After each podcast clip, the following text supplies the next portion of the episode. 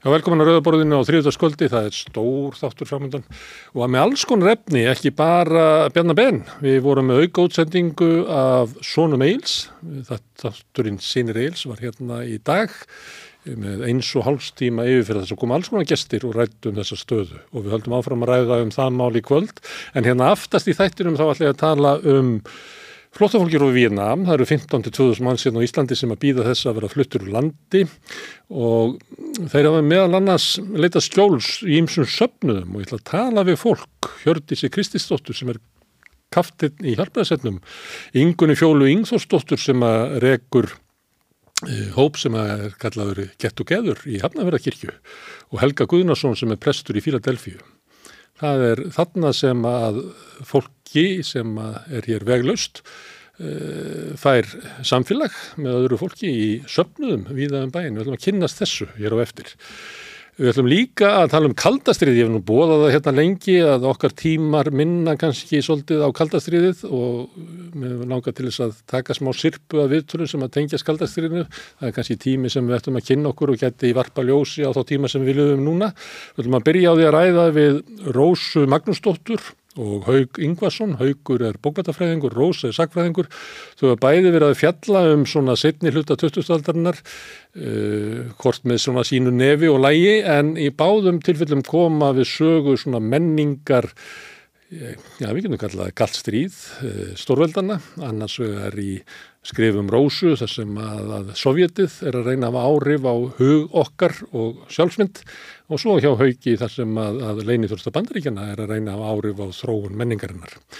Magnús Bennarsson hann kom hérna við á Íslandi, er farin aftur til, er á leiðinni aftur til bandaríkjana, hann ætlar að koma hérna við á Rauðaborðinu og ræða ástandið í Palestínu sem að er já, líklega bara verra heldur en hefur verið um langa, langa hríð og það sem er framundan er einhver dæmalus hormung. Ég ætla að tala við Magnús um já, ástæður stöðunar hvað e, deiluaðlar í Ísrael stjórn og Hamas sjá fyrir sér að, að komi út úr sjónstandi og hvert þetta getur leitt. En hér á eftir ætla ég að ræða um afsögn Bjarnar Benediktssonar e, svona stjórnmálarar hlutan við Ólaf Þórn Harðarsson og kannski svona bankasölu hlutan við Áskir Brynjar Torfarsson en kannski munið er bara tala um tala um þetta saman og sjáum til og eftir. Herðu, ég ætla að vekja aðtegli á tveimur hundum. Það er annars vegar að allir þættir samstöðurum eru aðgengilegir á hlaðvarsveitum sem getur tengt ykkur inn á samstöðuna, þá fóðu alla þættina en síðan eru hver þáttur fyrir sig eh, líka inn á hlaðarsveitum, þannig að þið getið valið rauðaborðið þá fáið alla þættir rauðaborðsins. Síðan er það að við erum í átaki við að koma okkur í sjónvarp, við ætlum að hafa sjónvarsútsettingar þegar við erum búin að sapna eilítið fleiri áskrifundum ef þið viljið fá þætti samstöðurinnar inn í sjónvarps fjárstýningunni ekkert að þá getið þið gerst áskrifundur. Það er inn á samstöðin.is, það er nappur sem heitir áskrift.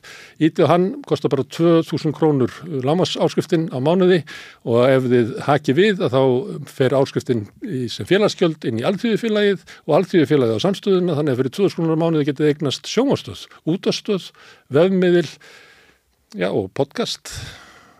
Hugsið það, gott að getið gert það. Er augnablík, þá ræðum við um Bjarnabinn.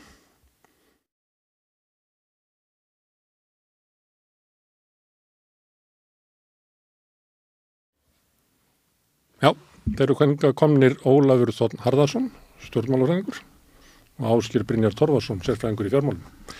Er þetta sögulegu dagur? Fjármálaráður, formaður sjálfstaflokksins sagði af sér ráðaradómi. Þú er ekki lefað það áður, Ólafur Þórn Harðarsson. Þóttu sér þú erum gammal? Nei, ég verði að hjáta það, ekki formaður. E, og í rauninni er það þannig að, að Á líðveldistímanum þá hafa afstaknir á þeirra á Íslandi verið sjálfgjafur. Fyrstu 43 ár líðveldisins sagði engin af sér. Síðan sko Bjarni er sá sjöndi, sá fjörði sem að segja af sér að, að eigin frumkvæði. Þrýr til viðbótar hafa, hafa hérna e, eiginlega verið hraktir úr, úr ennbætti. En lang flest þessara tilvika mm eru á þessari öld uh, á síðustu öld voru tilvíkin bara trú, tvö, Albert Guðmundsson og Guðmundur Átni mm. þannig að í rauninni og það sem að svona í stóra samhenginu fyrir utan personur og leikendur og, og, og hérna einstök tilvik í, í þessari afsökk bjarnar að þá finnst mér eiginlega mestu tíðindin vera þau að þetta virðist vera sem sé áframhald á þeirri þróun að varðandi afsagnir á þeirra þá séum við að nálgast að minnstakosti það sem að hefur verið reglan á Norðurlöndunum mm. og uh, Bjarni sem sé hann þetta, hann, þetta er fyrstir á þeirra sem að segja af sér út af áliti umbósmanns alþingis og hann undistrykar í sínu ávarpi í morgun að, að hann sé efnislega ósamála úrskurðinum mm. en telur mikilvægt að, að, að hlýta úrskurði til þess gerðrar stopnunar og ég held að það sé faklaðar efni í, svona, í stjórnkerfinu að þetta sé gert vegna þess að það ítir í rauninni undir virðingu fyrir þeim úrskurðar aðilum í Íslandska stjórnkerfinu sem að, sem að eiga að hafa sitt að segja og úrskurða til dæmis um svona, svona mál. Ég held að kannski fyrir 30-40 árum þá var nú reyndar ekki komið, komin um fórstum aðalingis yeah. að þá hafi ráð þeirrar oft gerst í seka um að minnstakosti jafn alvarleg brot án þess að nokkuð gerðist. Mm. Þannig að, að, að þessu leitinu er hérna um framfara skrifa ræða þó að auðvitað sko sé það í rauninni líka áfall fyrir bjarnar og áfall fyrir ríkistjórnina að umbóðsmaður alþingis úrskurði að ráðferðan hafi ekki fyllt góðum stjórnsýslu háttum. Það eru auðvitað alvarlegt en hitt í stóra samhenginu skiptir kannski meira máli. Mm. Það er hérna uh, sögutráður hann á bakvið áður en hann stýgur hann upp. Ég hlustar á þetta uh, fundin í, í byrni hjá honum Bjarnar, ég hlustaði hana mikill í aðtikli, ég sá að hann var komin í þá röllu sem að, sem að hann var í góðaskapinu, hann var yfirvegaður þetta var ekki svona einn reyðibjarni eða skamma, skamma anstæðingarna þetta var, þetta var skári bjarni. já, hann var svona setja upp statesmen hérna svipin og gerði það bara ákveldega það sem er áhægvert er að sko hann fær í hendunar álit uh, umbúrsmanns, ekki maður fyrir helgi. Já, já. þannig að það eru fimm dagar sem að líða. Já, samt hefur það komið fram hjá til dæmis formanni þingflóksins að hann kom á þingflóksfund í morgun. Mm -hmm og uh, það er ekki alveg ljóst hvað fór á milli en niðurstam var svo eins og hann var ekki búin að taka ákvörðun. Og það fylgdi hún Hildur segir það mm -hmm. að hérna að hafi bara fyllt húnum góðar orskir uh, mm -hmm. að svo sem ákvörðun hans verður að uh, þá standi flokk, í þingflokkur með hann og þá er að spurningin sko hvaða ákvörðun er hann sem hann kynir fyrir þingflokknum? Að hann ætli hugsalega að segja af sér eða ekki Já, nú veit ég ekki. E, það er hins vegar í sjálfu sér eðrilegt að, að hann hafi þarna einhver tíma til þess að velta fyrir sér viðbróðunum og það er heldur ekkert skrítið að það vefjist holdi fyrir honum að taka ákvörðun. Í það er náttúrulega, eins og þú nefndir áðan, það er náttúrulega meiri hátar ákvörðun, ekki síst fyrir formann stjórnmálaflóks, að verða að segja af sér, eða kjósa að segja af sér ráþæraembæti. Já Í, á því sem ég hef séð þá hafðan talað við Katrínu þar að segja í, í gæri eða fyrir dag eða hvað það nú var sko en ég, ég heyrði ekki betur en að Sigurður Ingi hefði fyrst frétt þetta í morgun, það komir aðeins óvart því að það er auðvitað eðlilegt að, að að þessi þýr fóringjar þeir ræði saman, kannski ákvörðunin hafi bara verið tekið svona sent ja. og þetta spjall við Katrínu hafi kannski meira verið um það hvað væri rétt að gera í, mm. í stöðinu þó ég viti það auðvitað ekki. Áskipirina, þú varst að hlusta á viðtarið við Katrínu. Já. Uh, Þar er hún spurð út í þetta, svona hvernig hann veit þetta. Og það er svona þegar þú segir einhvern veginn að hann hafi talað við hann í morgun þá er einhvern veginn hljómar að svolítið eins og þau hafi talað saman um þetta áður sko. veru, Já, það, það, ef ég greindi þetta rétt í gegnum fredið dagsins þá hafði þetta verið rætt á ríkistjórnafundi álitið ef að það kom fymta mm. og við vorum með ríkistjórnafundi á förstæðin sjötta Svo er þannig svarbrif frá fjármálaráðundunum til umbósmann sem er byrkt á vef umbósmann dagsett sjönda Já. sem er laugadagur. sem að lögfræðingar hér í, í dag sögðu að væri eiginlega uppgjöð, það var ekkert í því sko. Nei. það var engin tilrönd til varna Nei, en það er samt bref sendt á lögadegi, þú veist þannig að þe- þetta er andmælaréttur í stórsýslunum en síðan hefur umbósmaður náttúrulega ekki getað beðið með það að byrta álitið fram á mán, mán ja, þannig tólka ég það. Fyrst þetta er, er hérna byrtið það, því við verðum að hafa eitt hér í huga sko, að þeir, sjálfstæði stofnana er gífurlega mikilvægt í svona atriði. Og að því ég satt nú í fjármálar áði sem var ný svona stofnun í sex ár og hún, líkt og ríkisendurskóðandi og umbúsmaður eru stofnanir sem að heyra undir þingið ekki neitt ráðuniti þannig að við- við svörum til þingsins og þess vegna er líka ríkisendurskóðandi og umbúsmaður kostnir af þinginu en ekki neitt ráðherra sem getur skipað á. Þannig þetta eru gífurlega mikilvægar sjálfstæðar stofnanir og þær eru búinar að taka niður ríkisendurskóðandi stjórnvalds ákvarðuna í bankasýslinni Sælabankin varðandi söluna og, og, og, og sem sagt, stjórn bankasýslunar farin og fórstjórun á leiðin út stjórn Íslandsbanka farin og búið að skipta um fórstjóra og síðan kemur núna þessi aðtúin sem byrjaði eftir að stjórnskimur er eftirlitsnænd og búin að fjalla með þetta, þá tekur umbúðsmaður þetta til, sendir bref þann í mæ og síðan aftur þetta.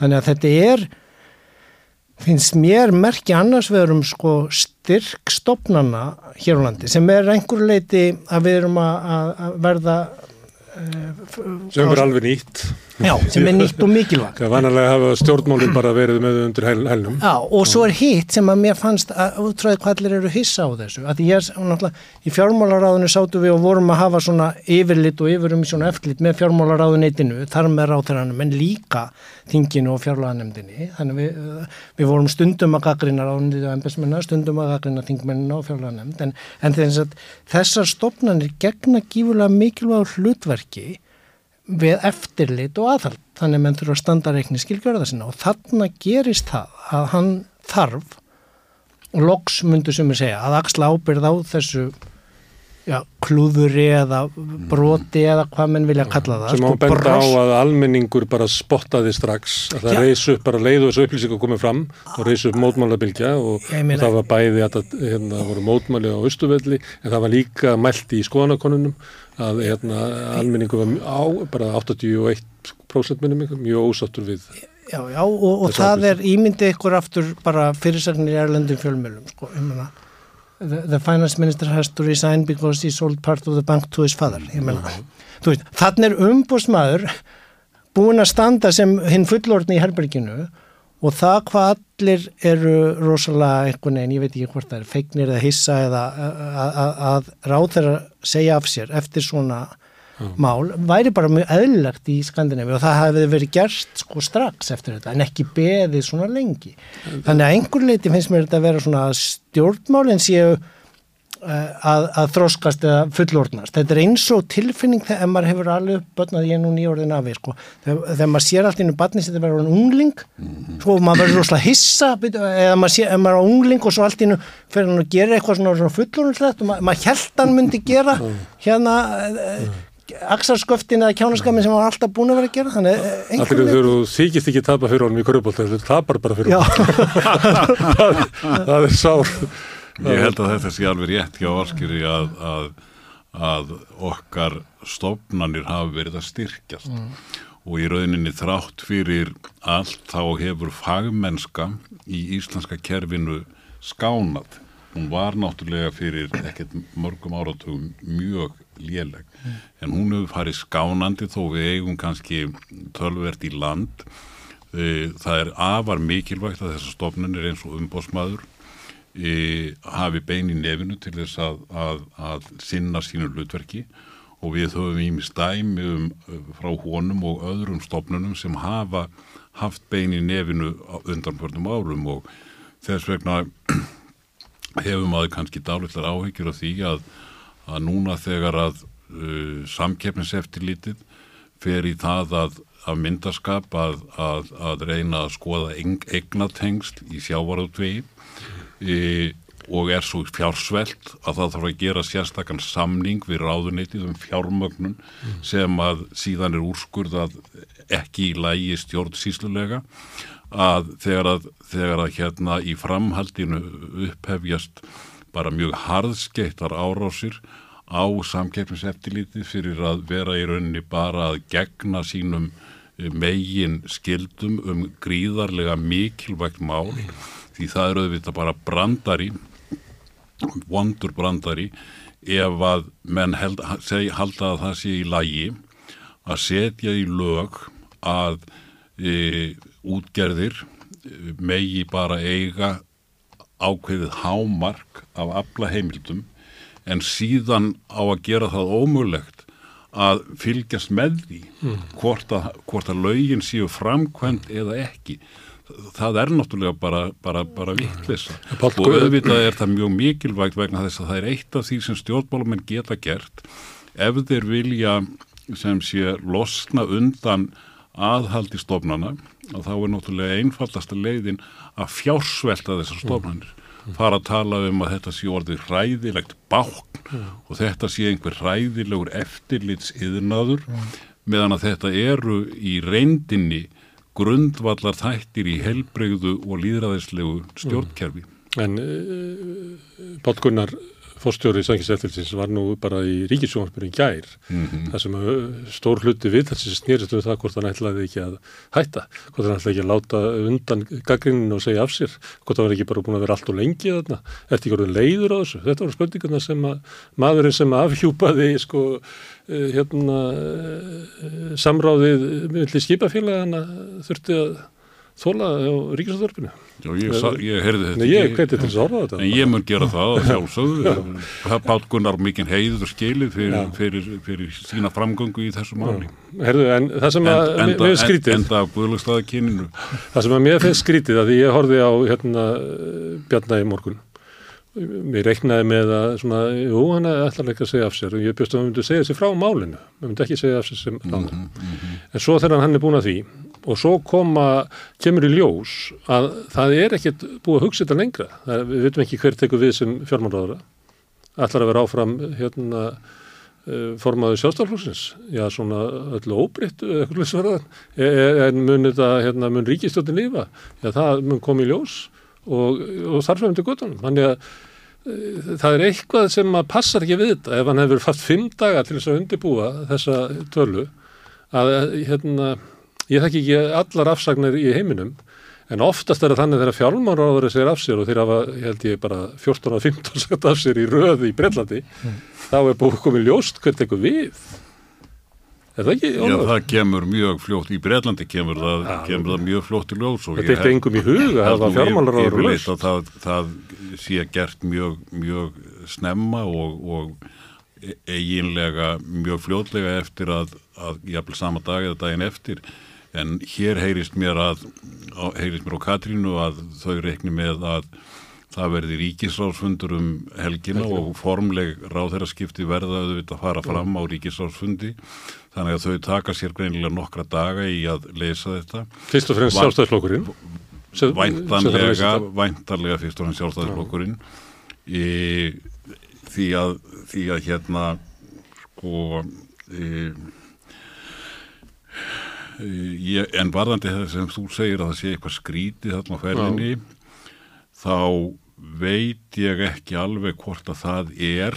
Þetta, þetta virkar kannski dálítið skrítilega en þetta gæti líka verið svona hönnuð atbyrðarás þannig að menn kjósi að láta þetta bera að með þessum hætti, gera, gera þetta í einhverjum skrefum Til að mæla og meta hva, hvernig næsti leikur getur verið. Það má vel vera til þess sko mm. eða, eða, eða ég veit ekki hvað, hvað spunamennir, hvað alltaf hvað fyrir þeim bakir en maður veit að íðurlega þá eru menn með svona dálítið hannaða atbyrðar sem þeir halda að sé sér, sér hendug mm. en, en, sko, en hefur ekkit endilega neina sérstakka mikla merkingu mm. annað en, heldur en bara, bara þetta. En má ég koma með efnaðsvingilin hérna sko, það, það, þetta er nefnilega er sko fjármálar á þeirra landsins mm. og það sem þetta mál hefur kostað, það er tilgáta, ég hef ekki reiknað út, ég get ekki sannaðan ennþá, en það þyrta að rannsaka það að það að, að hann segir ekki af sér strax og þessu er haldið svona í limbói mm -hmm.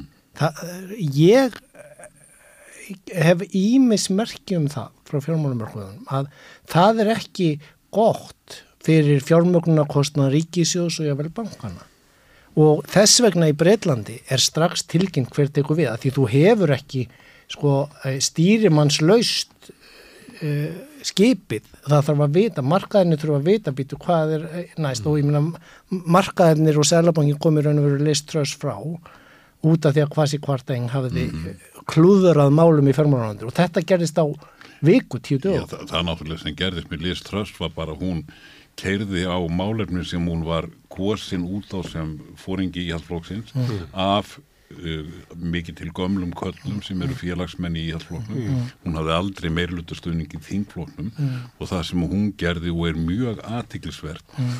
er að hún keirði upp gamaldags nýfjálfsíkju mm. sem að gekk bara út á þær kenningar sem að ég held og þú getur nú mm. þá leðir ég mig að, að engin eða nánast engin trúi lengur það er að segja að eiginlega svona að, að, að tengi svona lafferkurfunni mm. og er í grunnatriðum svo hugmynd að þú getur bara lækkað og lækkað skatta mm. því að þá muni, muni hagvöxturinn og umsýfun í efnarslífunu auka svo mikið að það gerir meira heldur en að að borga fyrir sem sé tekjutapið sem líst af skattalækunum mm. og ég held að engin alvöru hagfræðingur trúi þessu og það sem náttúrulega kom núna í ljós þegar Liz Truss fyrir að keira þetta í gegn í Breitlandi eins og þú nefnir markaðið í trúðu þess ekki. Mm. Þeir trúðu ekki lengur á trúbóðið. Þannig að... Ég sá þetta myndi leiða til hörmunga. Nákvæmlega, nákvæmlega og þess vegna er hún varð hún sá fórsettis að það er breyta sem að styrst hefur setið í ennbætti. En það var mjög áhugavert svona fyrir, fyrir þá sem að horfa á pólitíkjana utanfra og að sjá þessa tilrönn og, og punkturum minn með þessar já en punkturum minn með þessar svo er náttúrulega sá að eh, þetta er ekki eitthvað mál sem er hægt að PR alman að tengsla sig frá. Þetta Íslandbanka mál og ferli allt saman. En Nú hefur þetta mál verið í gangi í svona 1,5 ár rúmt uh, eh, áskiprinnar.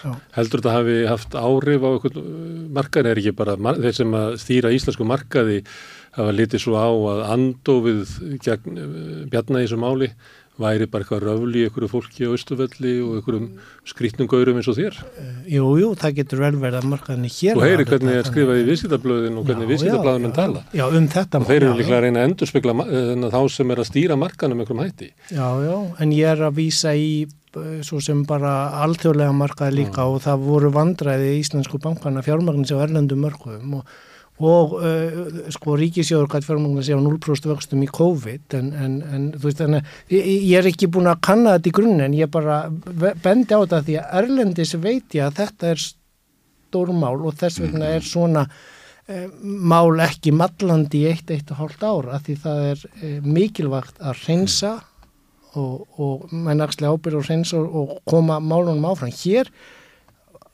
voru allir að verja þetta mm. þar til að umbúsmaður er raun og verið svo eini sem segir það sem að Ég kíkti á markaðinn, uh, kaupöldina, hérna í kvöld, gott að ég sá ekki, kaupöldin hefur verið að ný, bara að síga hægt og rólega, það kemur einstakar sinnum dag, dagar þar sem eru pluss, þarna, en þarna voru svona flest eh, félagi voru bara að lækka pínulítið en sögum að hækka. Íslandsbanki komið undir útbóðskingi sem að hérna, pappin kæfti þetta á. En, en Bjarni, uh, ég spurði fólk að þessu í dag, gengur það fyrir sjálfstæðarflokkin að formaður flokksins hafi þurft að segja af sér áður ennbæti? Ég held að það gangi fyrir sjálfstæðarflokkin, já. Uh -huh.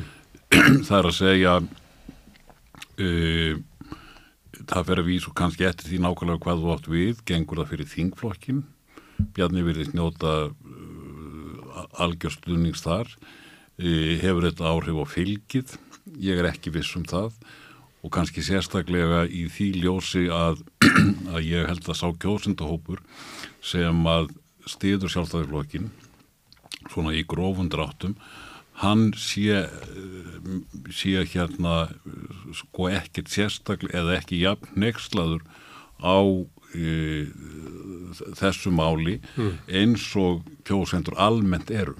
Þannig að til að mynda að þú tækir bara alla þessu sölu á Íslandsbanka sem hefur náttúrulega verið skelvilegt klúður mm. og þú bentir nefndir kannanir sem að, sem að, sem að hérna sína að mjög stór hluti í Íslandinga er þeirra skoðunar, að það hefur verið þeirra skoðunar, að þá er ég ekki vissum að, að það gildi endilega fyrir þennan, þennan markkóp sjálfstæðiflóksins. Mm.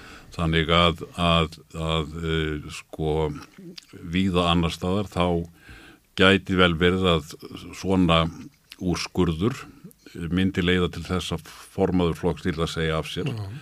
En þangað ég held að ég gerði þetta með þessu stíi að meðan að mér finnst Þú veist, þú ert ánægð með að litla bata. mér, mér finnst það bara merkilegt að ég vil ekki skul ráð þeirra að segja af sér, jápil þó að hann færi kannski bara í annar ráð þeirra ennbætti og þá held ég að við eigum tölvert í land með það svona mál Þú finnst þú verið ofregur að ætlast til þess að hér sé brúðist við eins og það verið Þísklandi Já, ég, ég er eiginlega að segja það sko, eða, eða, eða ég er ekki að andafa því að það væri æskilegt en ef maður er realist þá er það vennilega þannig að það tekur sko langan tíma og gengur hægt að breyta pólitískum kultúr mm. þannig að við sem erum gamlir og sjóaðir mm. við erum svolítið poljónur í því að gleyðjast við hverju smá skrifi En Ólafur, Ólafur það er óhugsandi ef þetta væri kristeriði demokrater í Ískalandi mm. eða íhaldsflokkurinn í Danmörku eða mótir aðarna í það er óhugsandi annað en að það myndi segja af þessu formaður í leðinni Það er mjög líklegt til ég, ég held að það sé ég held að það sé Ég bara get ekki séð það fyrir mér það er, það er mjög líklegt. Og líka ef maður hefur í huga þú nefndir þannig að þá sem hafa sagt af sér á Íslandi mm -hmm. að það, þeim hefur ekki farnast vel pólitíst Það er reyndar mikla líku til þess að verði sendið herra ef þú segir að þér. Það tekur Albert og Guðmund Átna og, og Hanna Byrna er í einhverju slíku ennbætti Albert náttúrulega sko vann úr stórsígur í kostningum og var svo sendið herra Guðmundur Átni held áfram á þinginu Já. og var svo sendið herra en Já. er núna að gera comeback í, í íslenski politík Gæti verið orðið sá sem að segir afsur og verður aftur á þeirra? Gæti orðið þegar, já, gæti mjög vel orðið. Í, hins vegar þá hafa Það eru 30 ár sem Hanna, Hanna Byrna Kaus að fara annað. Mm. Björgvin G. Sigursson er, er var nú á þingi held ég eitthvað áfram en, en, en hefur ekki verið í pólitík síðastu árin. Og Sigriður Andersen var fælt í prófkjöri. Þannig að, og Sigmundur Davíð e, sem að, sem að var nú rækjum og ennbætti eftir Panamann Heikslið að, að hann náttúrulega stopnaði bara hann var fældur í formanskjöri og hann var fældur í formanskjöri nákvæmlega í, hjá Framsók Þannig að þetta er ekki alveg ókeppis að, að það er pólitískar afleðingar sem fylgir auðvitað fylgir því pólitískur kostnaður oh. að, að, að, að hérna þurfa að segja af sér vegna, vegna einhverja mála. Og það er engin ástæði til að gera lítið úr því, alls ekki. En, en lestinn á Rúf, þau kallu þetta bestu afsögn ársins nú þegar sko. það hefur verið gert svo vel og, og komið svo vel er þá ver, var verið að ræðum það tæknilega já og þau voru að tala um einhvern almannatengil já, við almannatengil, já, já, já hvernig finnst þið það Ólafur? Að alltaf kalla almannatengil að tala um pólitík, er það ekki já, ég, mér er alveg saman það, það, mér, mér, það, er, það er í rauninni náttúrulega almannatengslar gegna tölvöldur hlut, hlutverki í stjórnmálum og mér finnst mjög oft fráðlegt að heyra í, í góðum almannatengslum svona hvað þeim, hvað þeim hins, þeirra skoðunar sko að, að, að auglýsingamenn og auglýsingastofur þau íki verulega mikilvægi sitt varðandi mm. auglýsingar í, í, í, í stjórnmálum manað fyrir allmörgum árum þá fekk auglýsingastofa verðlaun fyrir að hafa unni mikinn kostningasegu fyrir framskólflokki. Mm. Það var nú ekki síðast en, en hérna ég held nú að, að Það var líka auglýsingastofa sem mann fyrir hérna kostningabartu Obama Já, já, já. Það besta auðlýsingar herr fyrir það árið. Já, já. En, en, en, það, það sko... má vera að auðlýsingar skipti meira máli í bandaríkunum heldur en hér en, en ántis í fullir það.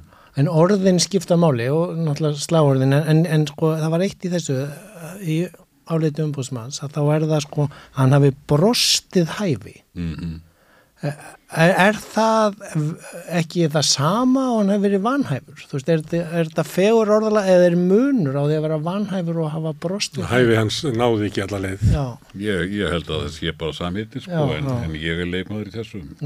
Er, Herðu, uh, staða ríkistjóðarinnar, kannski Katrínar, ef að þetta með þennan tíma sem er að líða og eiginlega eini sem hann talar við og segir niðurstu sinna er Katrín, sem að uh, mér þetta er vendum að einhver blaðum að takja að búa til þess að tímanlínu, því það er náttúrulega möguleiki að hann hafi sko rætt þetta mál við Katrínu, að þetta álit veri komið og hvað gerum við nú? Og, Ég skil það þannig að hann hef gert það. já, Katrín leggur á, ég, ég, ég held að ég hafi heyrt það frá annarkvort Bjarna eða Katrínu. Já, og þá þurftum við náttúrulega að vita hvort afstæða Katrína hafi verið svo að þú verður að segja af þér því að í, í þessari ríkistjórn þá beigum við okkur undir stofnarnir samfélagsins og það sé ástæðan fyrir því að hann ræðir ekki við neitt fyrir en alveg undir lokin því að það tekur svona langan tíma að sætta sig við hérna, það sem að Katrína segja hann að gera.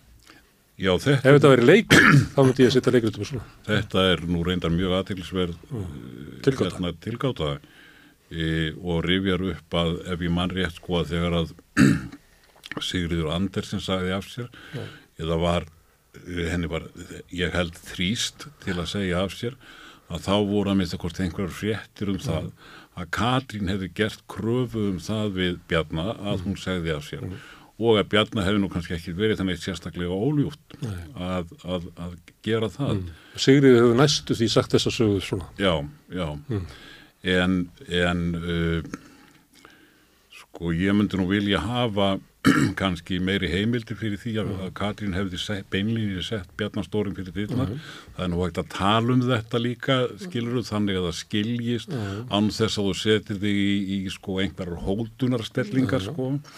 Uh, til dæmis á þeim nótum að væri, þetta væri heppilegast fyrir ríkstjórnir að, að hann tæki þetta, tæki þetta skref. Þegar við getum að hugsa hinn kostin ef að um, hérna, álit umbósmanns verður opibert og Bjarni Byrjundursson segir það að ég er bara ósamanlösu hérna, og ég ætla að þetta að mér. Að þá náttúrulega má búast við að hefði gengið yfir þessa ríkistjón hérna, það var nú ekkit smáraðis að gekk yfir bara út á nei, og það er, hérna, ég held að sé vannmetið hvað Íslandsbákamáli var mikil strömmkvörf auðvitað er það þannig að áhrifin á COVID-19 voru að klárast. Já, en það er eiginlega bara við þetta mál sem allt fer að fara niður á við og hefur ekki náð sér síðan þá. Þannig að ég veit ekki hvort að ríkistjórn myndi hafa lifað af sko. Það er, það er algjörlega góð spurning sko, það hefði verið mjög erfitt fyrir ríkistjóðina og það hefði, sko í rauninni held ég að þessi löst sem að, sem að kom fram í dag, hún sé miklu heppilegri fyrir ríkistjóðina heldur en það að Bjarni hefði ekki sagt af sér Já. og að, að það hefði hugsanlega sett meiri eh, sprengihættu. Þú horfir á Í. Katrínu eða svona með öðru auganu í Kastusvíkvöld.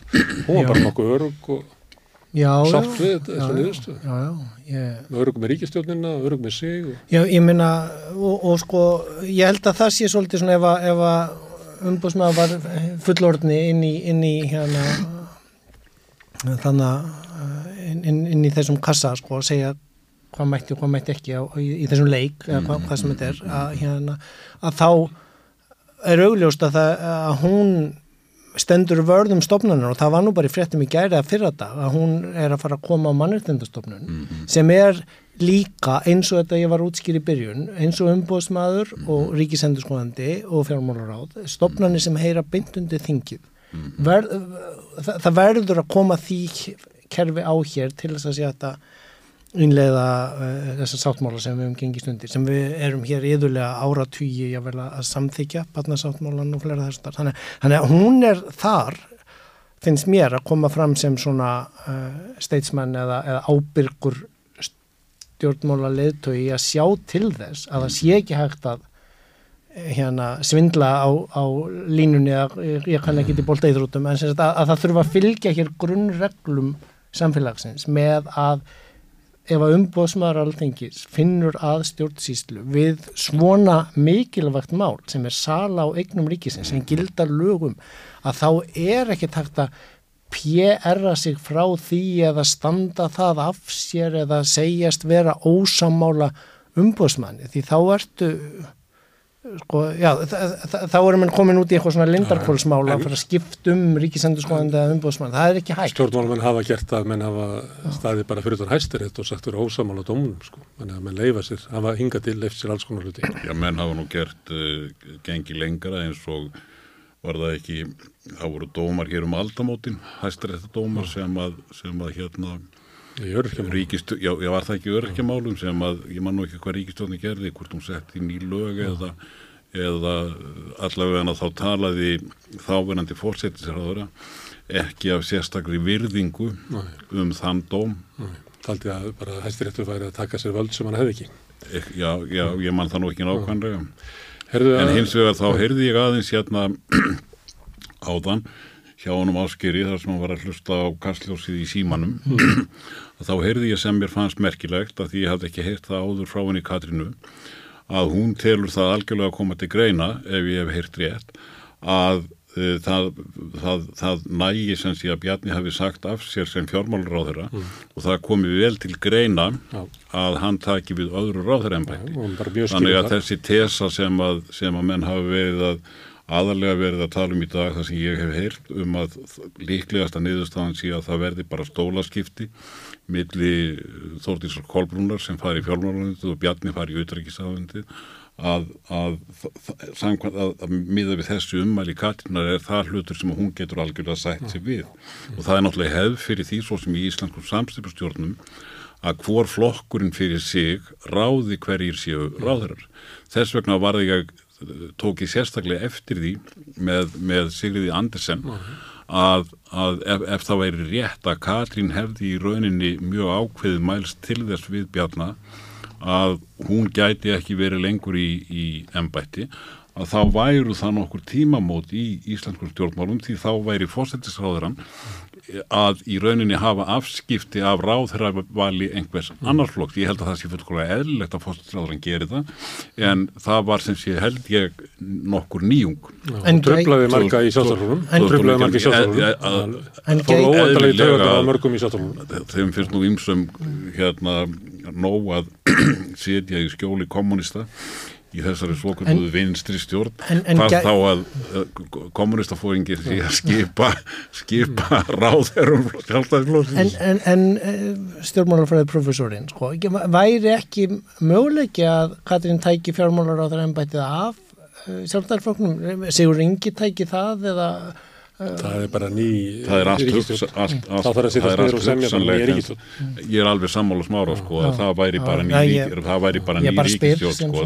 það er miklu stærri ákvörðun sjóðu eða þú ætlaði að fara að að setja sigur í ynga þar inn. Það er auðvitað ekkit óhugsandi mm. en, en það er miklu meiri breyting heldur en að vera með stólaskipti innan sjálfstæðiflóksins og að næja svona baklandsins í öllum þessu flokkum er bara svo mikil að ég held að væri engin verið að myndi leggja út í það mm. að taka séns á því að bara ná því í gegn Það væri held ég mjög óhyggjilegt Þessi ríkistöld hangi náttúrulega á bláþræði og hekk á bláþræði áður en þetta gerist þannig að ég veit ekki ákveðin hangir eiginlega núna En ég er ekki stjórnmálafræðingurinn, ég er bara hérna, mér er umhugað um að fjármálaræðundu sé stýrt og því sé stýrt vel því við erum að koma inn í efnagslega umróta tíma sem eru mm. á pari við 2008 sínist mér í heiminum Já, svo, já, svo slæmt, þú er þeirra sko Já, já verðbólgan, vextir eru komin til að vera háir, verðbólgan hér er hærri en annar staðar mm. veist, og þetta er e, það sem ætti að vera fólk á vinnunni um helgar í ráðneitinu mm. en ekki að svara brefum frá umbúðsmann alþengis á, á lögatóum sko. og maður skinnjar að sumleiti að svona kurr í samfélaginu huggur um, um fjárhanslega afkom og flera er miklu meira áberandi núna þrátt fyrir að það sé eitthvað svona góðarins fróða út af vexti ferðarþjónustunar að þá heyri maður þetta mjög miklu víðar. Svona kurrum efnarslega stöðu. Ég geti trú að þetta er mjög erfið vetur fyrir ríkistjónuna Hann verður erfið fyrir, fyrir ríkistjónuna og, og kannski kjara samningarnir sérstaklega og síðan náttúrulega er sem tengist þessari, afsökk bjarna í dag eða það er náttúrulega annar mál mál svandísar er hjá umbósmanni líka, mm. nú veitum maður auðvitað ekkert hvað, hvaða niðurstöðu umbósmaður kemst að í því máli. En ef hann kemist að þeirri niðurstöðu að hún hefði brotið af sér að þá er Bjarni komin þarna með fordæmi. Og það gæti reynst uh, ríkisókninni erfitt. Já, en ef að samkómulega er það að Bjarni mig bara fyrir yfirleiksvöndið, þá má Svandís bara fyrir umhverfisvöndið. Já, já. Eða, eða félagsmálanöndið. Það væri, það væri, það væri, væri augljóslaust. Ég hugsa að það, það, er, en, en, það er engin, engin hérna, úrskurður komin frá umbórsmannu um þetta. Nei, og, og þau dæmi eru nú, það er nú svolítið skala munur á þeim dæmi, þú ert að selja ríkisegn upp á mm -hmm. sko 100 miljardar eh, eða 150 miljardar. Þetta er prinsipliklega býttið við að þau munir stillaði upp þannig. Að sjálfsögðu. En hérna, þetta Íslandsbókamál, mm. það er náttúrulega, bankasíslan var lögð af. Já, hún er ennþá, uh, hún er ennþá við líði. Það var fyrsta hérna, skíslan. Næsta skíslan var að bara öll yfirstjórn Íslandsbóka sagði af sér. Uh, núna er hérna fjármálaráður að segja af sér. Og þetta er ekki búið sko, það eru eftir einhverja rannsóknir á, á sölunni í öðrum hérna, fjármálafyrirtækjum mm. Já, já, þeim er nú á öðrum skala en, en samt já, já. Það geti verið eitthvað svona smá eftirreitur að þessu þetta er mm.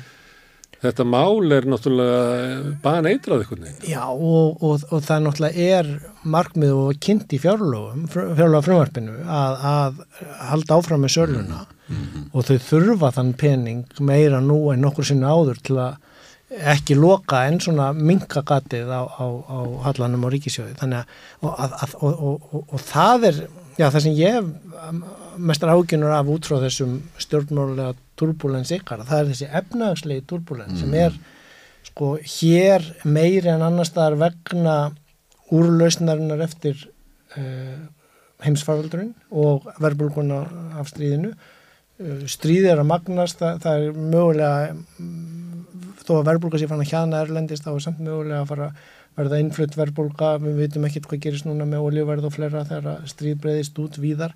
Þannig að sko það eru svo mörg efnagsleg rauðljó sem blikka hjá mér sem veldur því að, að það er náttúrulega hræðilegt ef það er upp í stýrisúsinu sko ekki samljómur á milli kafteinsins, stýrimannsins og, og, og lofskeidamannsins eða þeim sem les kortin sko. Þa, það, þarf, það þurfa allir að vera en Það er skrifað inn í fjárlun næsta ás að banki verður seldur á næsta ári. Þetta eru 50-52 miljónar minnum þannig ef að það gengur ekki eftir þá þarf að finna þá penningökustar eða, eða rekka ríkisóð með þess eða taka á láni og það er orðið svo dýrt nú að taka á láni. Það er vandin það, veist, það, það var ekki ekkert mál að taka láni í lágvaksta umhverjunni sem að einhverju leiti var uh, já, nöðslega líka til að stiða við fjármögnum mm. bankana þannig, þannig að þetta, þetta hangi svo er ástand á mörguðum svona og svona já. þannig að, að þetta það að þeim takist að byggja eitthvað tröst upp í kringum söluna mm. á Íslandsbanka ná að selja þetta er bara, þetta fyrir að vera hæpi sko þannig að kannski ættu þau bara að taka þetta upp í, í fjárlónum og leggja á 52 miljard krónar skatt til þess að fyllupilla gatt Já, eh, sko þú... Ekki að spörja góðum tillugum hér við rauðaborðið. Nei, þú þarf náttúrulega líka að finna þá kaupendur, þú veist. Sem, það sem, getur verið snúið, já, sko. hann að... að það, sko, það þarf að vera kaupendur sem að sko þjóðin settir sig við og hægt er að selja með eðlunum hætti, sko. Þannig að þetta er, það, já, þetta er margslungið mál og, og, og, og ég bara, ég bendi á það, það, það er búið að vera það lengi og það hefur kannski verið svona humma fram af sér eða pjera fram af sér eða, eða búist við út frá sögulegri politískri hefð á Íslandi.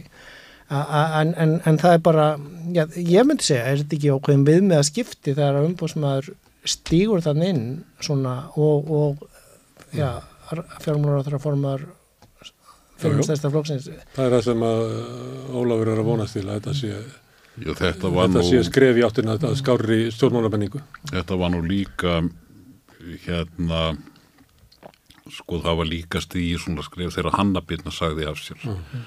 og það var í rauninni fannst mér mjög aðtillisvert mm.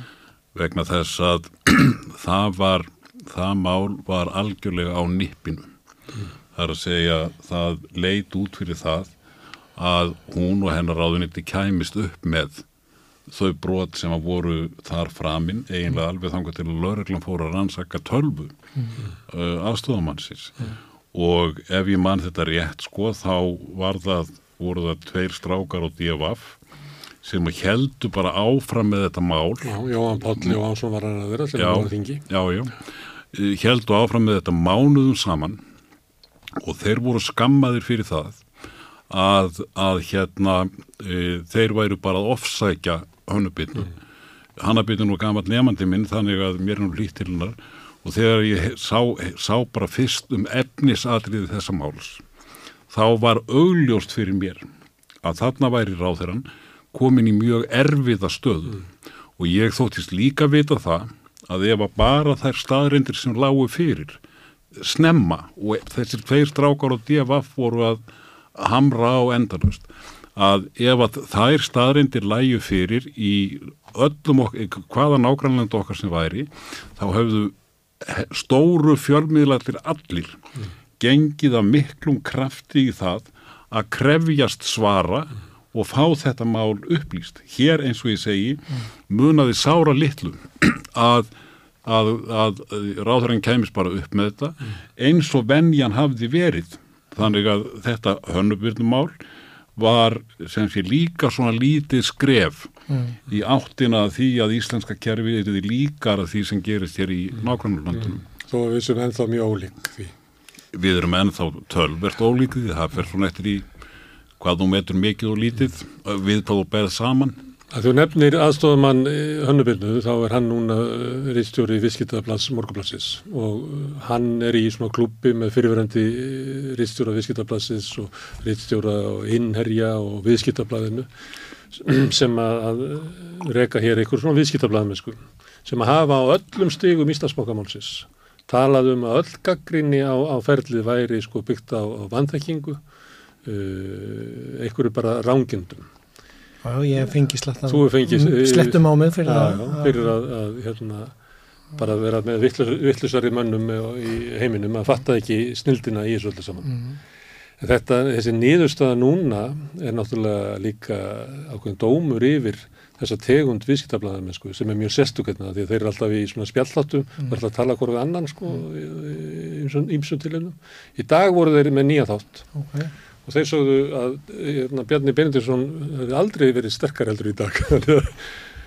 Þá sá ég þar alltaf að, að líklega hefur Bjarni Benediktsson aldrei verið veikari heldur í dag ef ég miða við álíktarnir verið að málunni hinga til. Sko, Minn mælkvarði er náttúrulega bara ef maður tala við Erlanda blagamann og þar var einn útskýrta fyrir þeim, ég veit ekki hvort þú hefur lendið í svipuð meina, þá, þá er ekki hægt að útskýra fyrir Erlendum viðskipta blagamannum eða fólki á fjármálumarkaði það hvernig þetta hafi geta klúrast svona, hvernig það sé hægt að halda þessu svona áfram sko. það, það er bara og, og, og þetta er það sem ég er að meina með tröstið á, á mörguðum og, og mögulega naukinn fjármáskostnað ef þú lítur út fyrir að vera bara einhver hérna svona um, já Já. ekki með fyllilega eðlilega stjórnsýsluhætti þá, þá bara tapar á því í hinn og alþjóðlega efnaðsumhverfi sem er orðið mjög alþjóðavæð mm. og þar með er, já, leifi ég mér að segja umbúðsmaður alþingis að gera mjög mikilvægt svona já hreinsunarverk eða ímyndar uppbyggingarverki að sína fram á það, sína, ég meina það eru náttúrulega sendiherrar hér sem senda skýslur heim til landana sinna og það eru, það eru erlendi fjölmjöla núna geta náttúrulega líka þýtt innlenda fjölmjöla þannig að þetta er allt miklu skýrar og, og, og ég held að þetta sé mikilvæg frétt í því allavega að það eru þó núna ríkisendur skoðandi fjármála eftirlit Sælabank Íslands og umbóðsmáraltingis búin að sína fram á þetta verk fyrir einu og hálfu tveimur hún síðan við sölun á þessari ríkisegn var algjörlega ófullnægð. Ég las einhverja greinar í erlendum blöðum um þetta sko mm. og þar var nú bara stutt á grín og háð.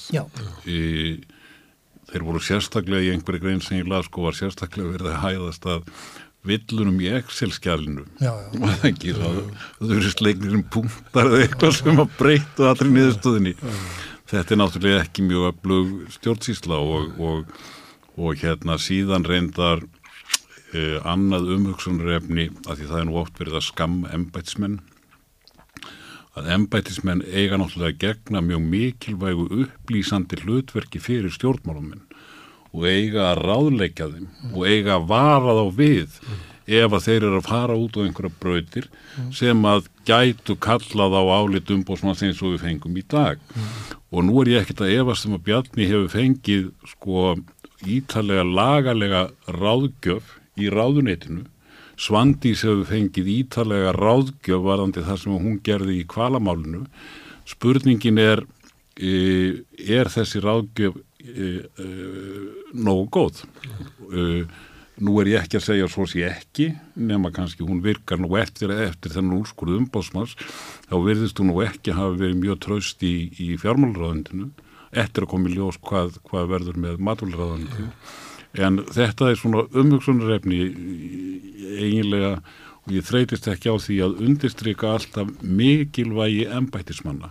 Marga góða ennbættismenn. Það er grundvallar atriði í, í, í skikkanlegu líðræði. Vandamáli getur verið þess að við höfum stundu rætt hérna við rauðaborðið er að ráðuneytin sumunit er að þjóna ráðurum og þetta er, þetta er bara vandamál til dæmis í fjármálráðundinu hvernig þeir stilt fram tölum og öðru slíkum. Mm -hmm. Það er allt til þess að láta sko ráðurann eða hans stefnu líta vel út. Það er ekki stemmingi þar innandir að þau eigi að sko að, að útskýra fyrir okkur mm. sem allra bestu hvað er í fjárlónum sko. mm. og þannig að það getur vel verið að lögfræða áleti séu að sama marki brend að þó hann fær bara í hendurnar lögfræða áleti um hvernig hann geti mögulega varið sig Það er náttúrulega vittlausast að sem stjórnmálamæður gerir er að sapna í kringum fyrir jábræðrum eða jásistrum og fá aldrei gaggrínin viðhorf eh, það er ávísun og vandraði Já, og getur gert fyrir menn sem er í sama ráðum til tíu ár getur, getur gerst, getur gerst. Já. en ég held reyndar að svo ég, svo ég hérna leikin og enn pólíun og ég held að þetta hefði skánað mjög mikið í íslenskum ráðanittum í til heili frá því kannski fyrir 30-40 árum þegar embætismenn sögðu við mig einar sem að ráðherran á að gera sem ráðunittistjórun á að gera er að framfylgja nánast gaggrínislaust öllu sem að ráðherran segir í staðin fyrir að þið eðlilega hrutverk ráðundistjórnans er að ráðleggja ráðherranum varan við ef hann sér háskamerki en á endanum er það auðvita ráðherran sem ræður mm. en hann á þá að ana út í vittleysuna eftir að ráðundistjórn hefur sagt honum að hann sé að stefna út í fenn Herðu, Ólafur og Ásker takk fyrir komin hérna. Það komu svona ráð, ráðlíkinga frá áskeri um það ef að fólk er í vafa um hvort að eitthvað sem er verið að ræða um hér sé spilling eða hvort að gangist upp að þá er sér sniður leið á því það er verið á ennsku mm -hmm. að þá oft afhjúpost hversu, hversu slæm málin eru. Mm -hmm. Ólafur og ásker kæra þakkir fyrir og við ætlum að halda áfram hér við Rauðaborði. Nú ætlum við að tala um hörmungar ástand í Palestínu eftir augnubík. Hvernig getur við réttlætt að helmingur eblingakvönna býr við slæma andlega heilsu, ebling stjættarfélag, baróta fyrir betra lífi. Já, við ætlum að ræða stríðið í Palestínu sem að Palestín sem er palestínskona sem býr á Íslandi og Íslandsku ríkisborgar er kallaði fanga uppröst hérna í gær þannig að það er Það er ekki alveg ljóst hvað á að kalla þetta, hvort að ég kalla þetta stríð í milli Ísrael og Palestínu eða því að stríðir vananlega það sem er tveir herir metast og það er ekki alveg ljóst hvort að það séu tveir herir að meta. En til þess að reyna að skilja þetta betur er við svo heppin að fá hingað Magnús Bennarsson, professor frá Ameríku sem ert hérna á leiðinni til útlanda. Þetta er aftur heim til Bandaríkjana. Þetta er velkominn. Hvað hérna Þetta er mjög alvarleg, ræðbreyður. Þetta er ekki hverstastlegt hérna, að deila pallistunumann og Ísasmann. Nei, alls ekki og þetta er sko umfangi núna miklu meir heldur nokkuð tíma náður allavega síðast á 2001. öldinni ja. bæði hvað var þar sko mannsfallið en líka bara þú veist gíslatni sem hefur verið teknir og líka bara það sem er í viðrist verið í vændum er miklu starra heldur en hef, hef, við hefum séð nýlega Ísraelar hafa verið farið með reglunum millibili inn í Gaza þá hafa þetta verið tiltölu takmarkaðar aðgerir mm. á þeim slóðum eh, loftarósir og, og þess áttar og, og hver skipti hafa kannski hundur til kannski um 2000 manns palestuminn fallið í tá í slíkum aðgerðum og eh, en núna stefnir í, í, í eitthvað allt annað mm. og það er því miður þá, þá er er svona kannski næst, næstu vikunar verða mjög dramatískar og blóðugar mm. ef, ef maður bara, bara segja hreint útsagt mm. og, og og, og uh, það er ekki bara á gassa, það er hætt við það að það fer þá líka verður ókýrð í vestubakkanum og síðan getur líka gerst það sem er reynda þegar að byrja að það verður að byrja að vera óróleiki á lendamarinn við Líbanon mm. og það getur verið ykkur átök þar þannig eins og oft gerist þegar þessi mál kom upp á, á yfirbyrðu þegar fyrir að gjósa hana, fyrir botnum í þeirra hafs þá hafa þessa deilur svo mikla sko, skýrskotun mallan heim að þá magna strax pressan til muna og pressan og, og tilfinning, sko, tilfinningarnar í þessu hjá svo mörgum víðum heim er þannig að fólk getur ekki kannski bara með þetta svona kallt og reyna bara að sjá hvað er í rauninu veru það besta í stöðunni vegna þess að fólk fer inn með þessa, með þessa tilfinningar. Mm. Nú hefur Netanyahu lísti yfir hann ætli að bara fara inn í Gaza og kveða þetta niður, kveða ja. niður Hamas og það þýðir eiginlega hann þarf að vilja fara bara rús úr rúsi þarna. Ja. Uh, kannski er þetta fyrirsjámanlega við, viðbröð, var þetta þá kannski það sem að Hamas vill lokka Íslandska herin inn, inn á Gaza? Já, það var kannski hluta taktíkin, þetta var mjög vel skipuleg aðgerð og eins og þið sæir það er alveg vitað að Ísælsmenn myndi bregast við og þeir bregast náttúrulega við bara með ein, mjög með einum hætti og, og, og að sjálfsögðu er eina sem er geta gert frá þeir, ef þú metir þeirra orðræðu og þeirra kerfi og þess að það sjálfsögðu fara inn í gassa en þeir hafa ekki verið sko á gassa síðan 2005 þannig að þetta er, þú veist það er spurning sko hversu vel þeir þekkja til, hversu vel þeir eru búið að undirbúa þetta af því það er myndið til þess að undarfarnum árum haf, hafa þeir verið uppteknar að stríðun í, í Sýrlandi en það voru russar og íranir og tyrkir bara hínum yfir landamærin eru líka mjög uppteknar í Íran. Þannig ég held að bara leinið þjónustan á herin sem voru ekkit endilega með í kortunum að fara þannig inn með þessum hætti. Þannig að þetta geti verið mjög flókin og erfið að gera og það er kannski það sem Hamas liðar mátu að það, það er svona ákveðið svona veikleiki núna í Ísrael. Það er búin að vera stjórna krepp og óeining í landinu og, og það er svo þar þannig að þeir kannski að kannski væri núna besti tíminn til þess að faraðan inn.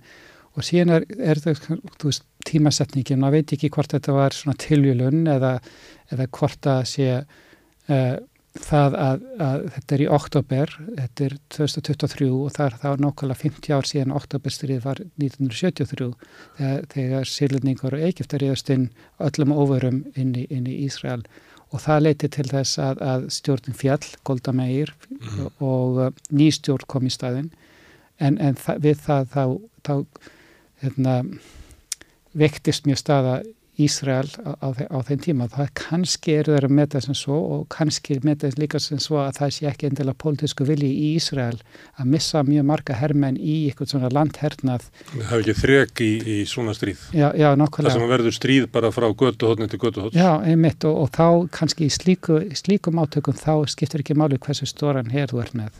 Ekki, með ekki, ekki eins mikið eh, en, en fram að því til að undubúa landhernaðin held ég þá að sjálfsögur verið fyrst mikil, mikla spreytingar og eðileggingar þess að gera þetta eiginlega bara að, að þú veist, þú veist að, að engu og þá, þá fara inn.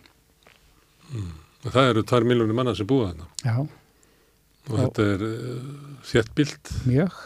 Og það þegar, þegar búa sko, skrua fyrir vatninu og, og ramagninu og, og internetið og matvælar, þú veist, engi matur og, mm. og, og eins og veist þar, þú veist, fólk kemst hverki eh, þannig að þetta er það, það gerir þetta svo alvarlegt þetta, við erum ekki að tala um pingu víti þorp þetta er, sko, mm. já, allavega hær milja manns En í Ísrael, þú nefndir hérna 73 sem að Golda Meir var sökuð um að hafa ekki varið landið, mm. það er fyrsta verkefni þeirra sem að stýra Ísrael já. að verja landið mm og það að, að þessi árás komi þarna og sé svona óvænt og sé svona stór og velskipruð á þess að Ísraelsmenn hafi haft veður af það er, gæti verið banabiti í netinni á Gæti verið það, það sko náttúrulega núna fyrst er svona mikið samhælni Já. og með þjóðarinnar og eru kannski býða svona tímabundið uh, þessa deilur sem voru uh, svona ríkjandi í sömar og, og í haust.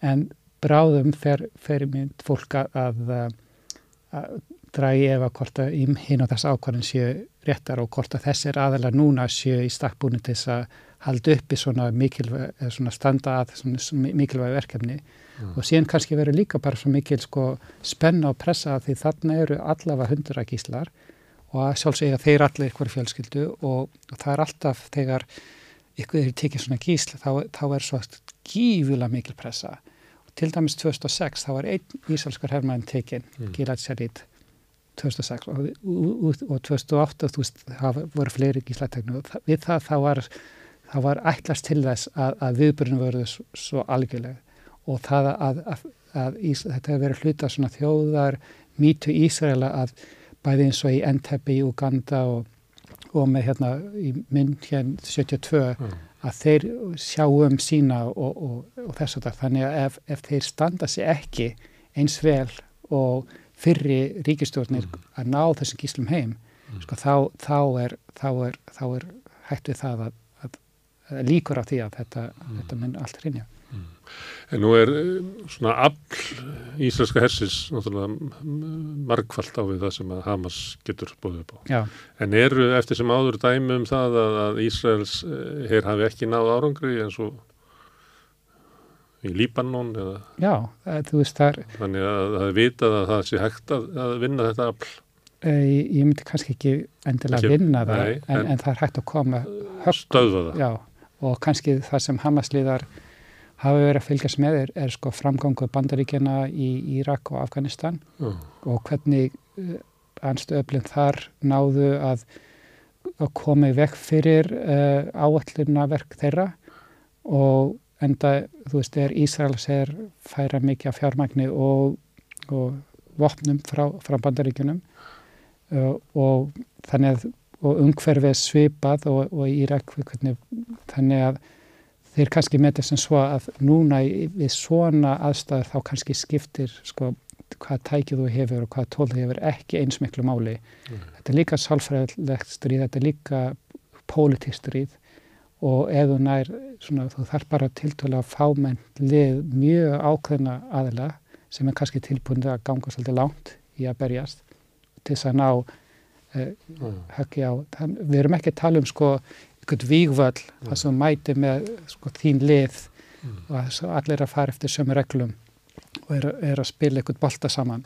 Þetta, þetta er allt annað þannig að það skiptir ekki máli hvort þú sért með fullt að skriður ykkur með flugmáðskipum ef, ef þú ert að berjast í þjættbíli þá kannski getur ekki nýtt þér þann, þann styrk en ég sé sagði á þann að, að kannski sko undirbúningu fyrir landherrin hernaðin það, það er öruglega gert þarf fyrir gífulega mikil eðilegging og það er það sem er sko mikið áveikjafni Já, mér er margið farast.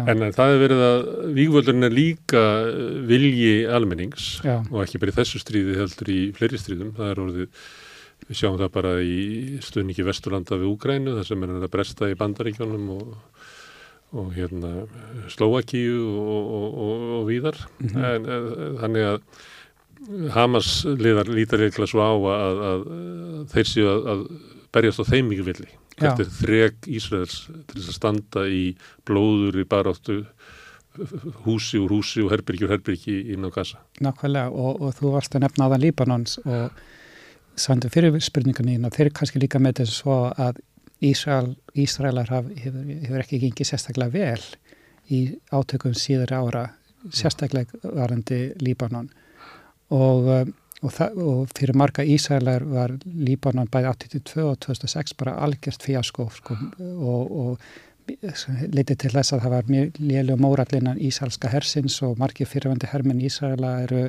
sko í bara mjög óvanæðu með, með þá stefnu mm. og en það var líka pólitísk aflengar því þannig kannski bara með þess að svo að, að núna pólitíslega séð er, er þetta svona besta leiðin til þess að vekja aðtikli á, á málstað þeirra en líka kannski til þess að styrkja hönd þeirra ef eða þegar kemur að ykkur skonar samninga viðræðum eða hvernig að eiga enda þessi mál.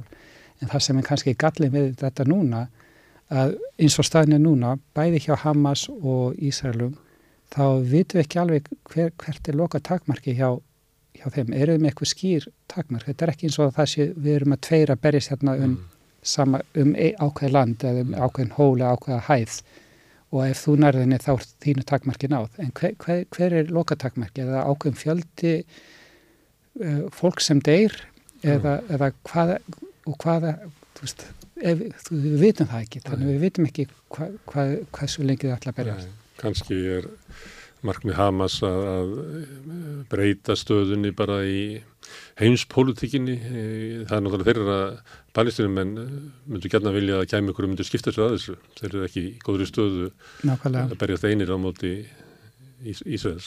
Já, já, og það er kannski mátið sem svo að það var búið að gleima þessu málið, við bara töldum að þetta var í Veist, það verði ekkert að gera þarna og, og en þeir náttúrulega búa við þennan veruleika hvern einasta dag og þeir voru sennilega ekki búin að gleyma mm. þessum veruleika en við vorum kannski upptegnur af Úkrænu og COVID og Íran og Sáttarabi og, og Nagorno-Karabakh og vorum ekkert endilega að spá í þetta, þessi mál. Það var hérna leiðar í Harets sem að mér fannst vera mjög að því hann kemur bara eiginlega beint ónýjas atbyrði mm -hmm. það sem er segja að það sé bara einn maður sem fyrir ábyrðu þessu, það sé neitt en já mm -hmm. og nefna annars vegar sko að það er nú eitthvað sem ég kann ekki að það sem að hverjan hafi verið að skipa í hitt og þetta og býtti við hann hafi verið að taka þess að auka hægri flokka og setja þá í, í mikilvæg ennbætti ja.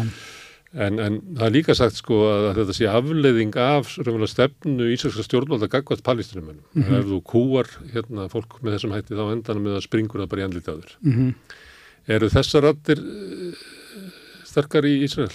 Já þær eru sterkar eh, þær eru kannski ekki einn sterkar ára voru mm. þú veist, fríðarhefingin er, er ekki veist, eins og hún var á kannski 9. og 10. ára 20. aldar uh, nú, og þar sem hefur verið mesta fjölgun í Ísrael, bæði sko, sko náttúrulega fjölgun og líka bara sko þeir innflytjandi sem kom til Ísrael, gýðingar eru frekar, sko hæra megin er uh, strángtrúaðir og það er landið rættið þeirra að því hvernig hérna stjórnmálinn byggð upp í Ísæli sem, sem það, það er mjög nærð manni inn mikið, er auðvitað að koma manni inn í eina þing mm. þannig að svo mikið á lillum smáflokkum mm. sem kannski kindir undir svona öfgahópa frekar mm. þannig að þessi vinstir frjálslinda svona afl uh, ratti gýðingas í Ísrael sem hafa alltaf verið svo sterkir og hafa alltaf verið tiltöla öflir í, í svona umræðinu og eru kannski einhver leiti sko elitan í, í mentastjættinu og í efnarslífinu mm. uh, að súrat er, hefur ekki eins verið eins ábærandi en kannski við þessa kringustafar það voru þetta svolítið erfitt sko núna er svo mikil kraf um samhældni mm. og allir við höfum allir standa saman og kannski törum við þetta, þetta búið mm. en, en Þessum þessi leiður er kannski aðeinsverðu því að maður sér þetta ekki fyrir sér að hefði geta gest í bandaríkjónum sko 9-11 sko. Nei, en þá er það kannski það að þeir segja við getum ekki treyst stjórnmálamennunum mm. við þurfum að hafa bara þjóðstjórn þar sem sko aðtunumenninur í hernum er að taka yfir tímabundið mm. og, og klára þetta mál og síðan, ég held að þetta sé kannski, þeir eru alltaf þetta kannski frekar þessu nótum. Mm. En, en Hamas, er, er staða, heldur þú að, að þeir njóti stuðnings aldra palestinumanna? Er staða svo að, að hérna, staða þjóðarinnar er bara svo slæm að það er eiginlega allt leifilegt í, í baráttunni við kúarann? Eh, ég myndi ekki segja að Hamas njóti stuðning allara palestinum en að langt í frá og ekki eins og En þessar aðgerðir, er það verður að sömu áhrif þar og að verða Ísrael að það menn fara að standa á bakvið? All, alls ekki, alls ekki. Það, það er sömur jú sem stiðja en það eru mjög mikið palestinmennum sem kannski jú ánæri ykkur er að gera eitthvað en, en líka bara flestir, ótt, margir óttast bara sko afleggingarnar á þessu og hvað, hvernig þeirra líf kemur til með að hafa áður á, á þá og, og þau. Og bæði enn inn á gasa þá síðast þegar voru kostninga þar þá hlutu þeir með hlutakostningu mm. og, og margir inn á gasa fylgja, þú veist, þetta er í raun og veru hið ofinbera uh, kerfi í, í, í gasa er það sem Hamas stendur fyrir skólakerfi, heilbyrgskerfi og allt atvinnulíf og allt það. En þetta er, það eru mjög dilda meiningur um hvort þetta hafi verið rétt að leiðin og og bjóða yfir þetta upp á sig mm. en þeir með þessu að því að sko, veruleikin hjá palestinumenn á Vesturbakkunum er allt annar og þar er sko fata mm. deild palestinumanna sem þar við stjórn og yfirmæður þeirra, fórsiti þeirra er, er hérna, Mahmoud Abbas sem er 87 ára gammal og þess vegna held ég að þetta útspesja líka tilkall frá Hamas að þeir ætla sér líka kannski hafa, fara að skipta sér meira þeir sjá fram á það að það verður kannski eitthvað skipti og þarna hjá, hjá palstuminn á vestubakkunum bráðum og kannski er þetta leið til að mm. styrkja þeirra stöðu þar mm. og er líka, þú kannski veist að innan Ísrael mm. uh, sko 25% af ríkisborgurum Ísraela Ísrael eru uh, palestinmenn mm. Þannig að þetta er sko til dæla stór meiri hluti innan Ísrael sem er ekki gýðingar og uh, þannig að þetta er svona sáhópur er svona annars flokks hópur innan Ísrael en þetta er, þetta er hópur sem er farið stekkandi og það verður líka mjög forveld að sjá sko ég er ekki að tala um fólk á Vesturbakkunum og ekki á Gaza, heldur mm. palestimenn sem eru innan Ísrael. Hvað, hvaða áref og hvað, hvað, hvað þeir muni gera og hvort Ísrael lítið svo að þetta sé ykkur kvíslingar hann innan þeirra. Mm. og eða hvort að þeir ætla sé núna að sína mátt þeirna megin með ykkur hætti inn, inn, innan Ísrael. Þannig að það, það svo, og þeir eru ekki, ekki dendila því að Hamas sé sko fulltrúið þeirra og þegar stríðið byrjar, þá er þetta orðið spurning sko við sætar í von? Og þá ertu eh, ekki velur Ísrael, þannig að þá lætur þið bara hafa það að, að, já, að standa á bakuð eitthvað sem þú ert það er það sama sem að gerist já, báðu megin. Eh, að sjálfsög eh, er það oft tilhengið en þú fer bara strax í, í þangið þjóð, þjóðurniskýrin en það já. kannski er svona fyrstum sinn en síðan svona kemur, kemur veruleikin sem, sem kemur þá, þá mm. þinn, sko, þínar aðstöður og hvað er þér fyrir bestu og því, því hugmyndafræði þín og þess að það mm. Og hvað árið hefur þetta á, á löndin í kring Líbanon? Sko ver, þetta verður svo mikil spenn og pressa það fara allir núna bara sko Jórnani í Líbanon, Sýrlandi Egiptalandi og, og Arabi og samið arabska, þú veist, ekki bara það verður það hugsanlega sko flottamenn en bara svona ykkur svona pressa við um að gera eitthvað og síðan líka núna er þá kannski fólk að fresta því að ferast til eða, eða fjárfesti í þessu löndum að því núna lítur svo fólk á að hérna er afturkoma svona mm. og, og e, eðlilegt ástand og þess að það er þannig að ég held að sé mjög e, mikil ótti að, að, að, að svona óvart fara, fara þess að þjóður að dragast inn í, inn í, inn í þessi átök sem mm sem, sem voru kannski ekki endilega undirbúnd fyrir, eh, fyrir nokkur ykkur síðan. Það Þannig gerist í stríði að þau stugmagnast og nákvæmlega. þetta geti gert það og hvernig, hvað er það sem geti gerst? Það er til dæmis ef þarna, það sem er gerist fyrir norður hluta landsins, þarna landamærum hérna, eh, Íran, hérna Líbanon og Ísrael, það er búið að skiptast á ykkurum skotum þar og eða gísla, gís, gíslataka eitthvað degi. Og Ísrael fara þann inn eða Líbanar ákvaða að skjóta eitthvað öðflögum á, á Ísrael. Uh, Tyrkir getur högslega reynd að fara beita, beita sér með einu með öðrum hætti. Og síðan eru líka að hvað sem miklu leiti uh, Íran fara að gera eitthvað. Uh, síðan eru fullt af sko alltfjöldum hersveitum í, í Sýrlandi sem kannski hugsa sér að nýta sér þess, þetta ástand og síðan er alls konar svona sjálfstöðstarfandi samtök. Mm. uh, ekki endilega vagnir herðdeildinar en svona álíka herðdeildi sem er út um allan heim sem kannski sjá að hann er svona ákveð tækifæri til þess að taka þátt í þessu með einu með örum hætti. Þannig að þetta hefur svo mikla burði til þess að breyða svolítið, út.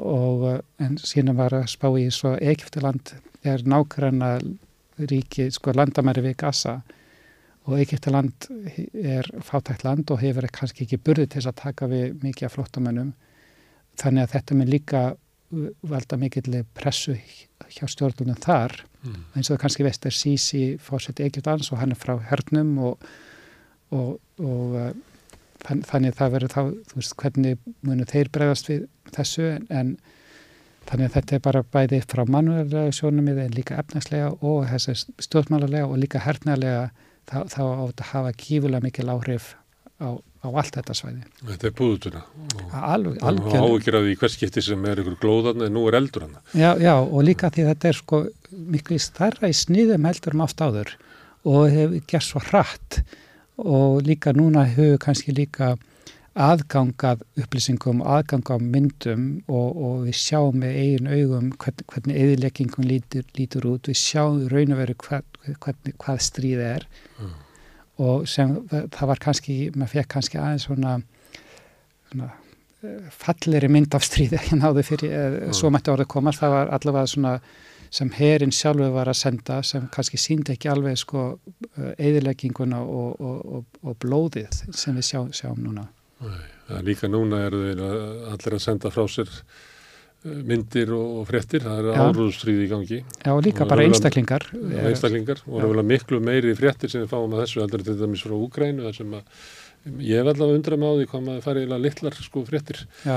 Það er eiginlega fleiri myndir sem voru teknar eiginlega í Vietnam heldur en í Úgrænu það er hálf falið stríð það sem að verið öll vera á, á svona pólitíska sviðinu svolítið, það sem við fáum endur þess að fréttir að fundum ráðamanna. En talandu um það að hérna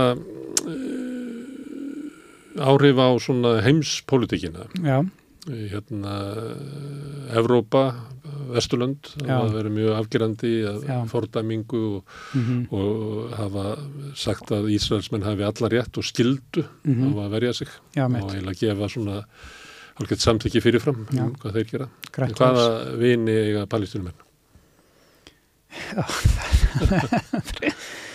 Þetta eru vinir, eh, þú veist, hvernig eru það óvinir? Hérna það eru í sko, það, hva, hvaða palestinum er þetta að tala um? Er þetta að tala um Hamas? bara í þessari stöðu sem er núna sko. Já, sko það, þau lönd sem hafa verið svona rétt um hjálparhönd og undarförnu eru Íranir og, Tyrkir hafa reynst enn til til að vel Já.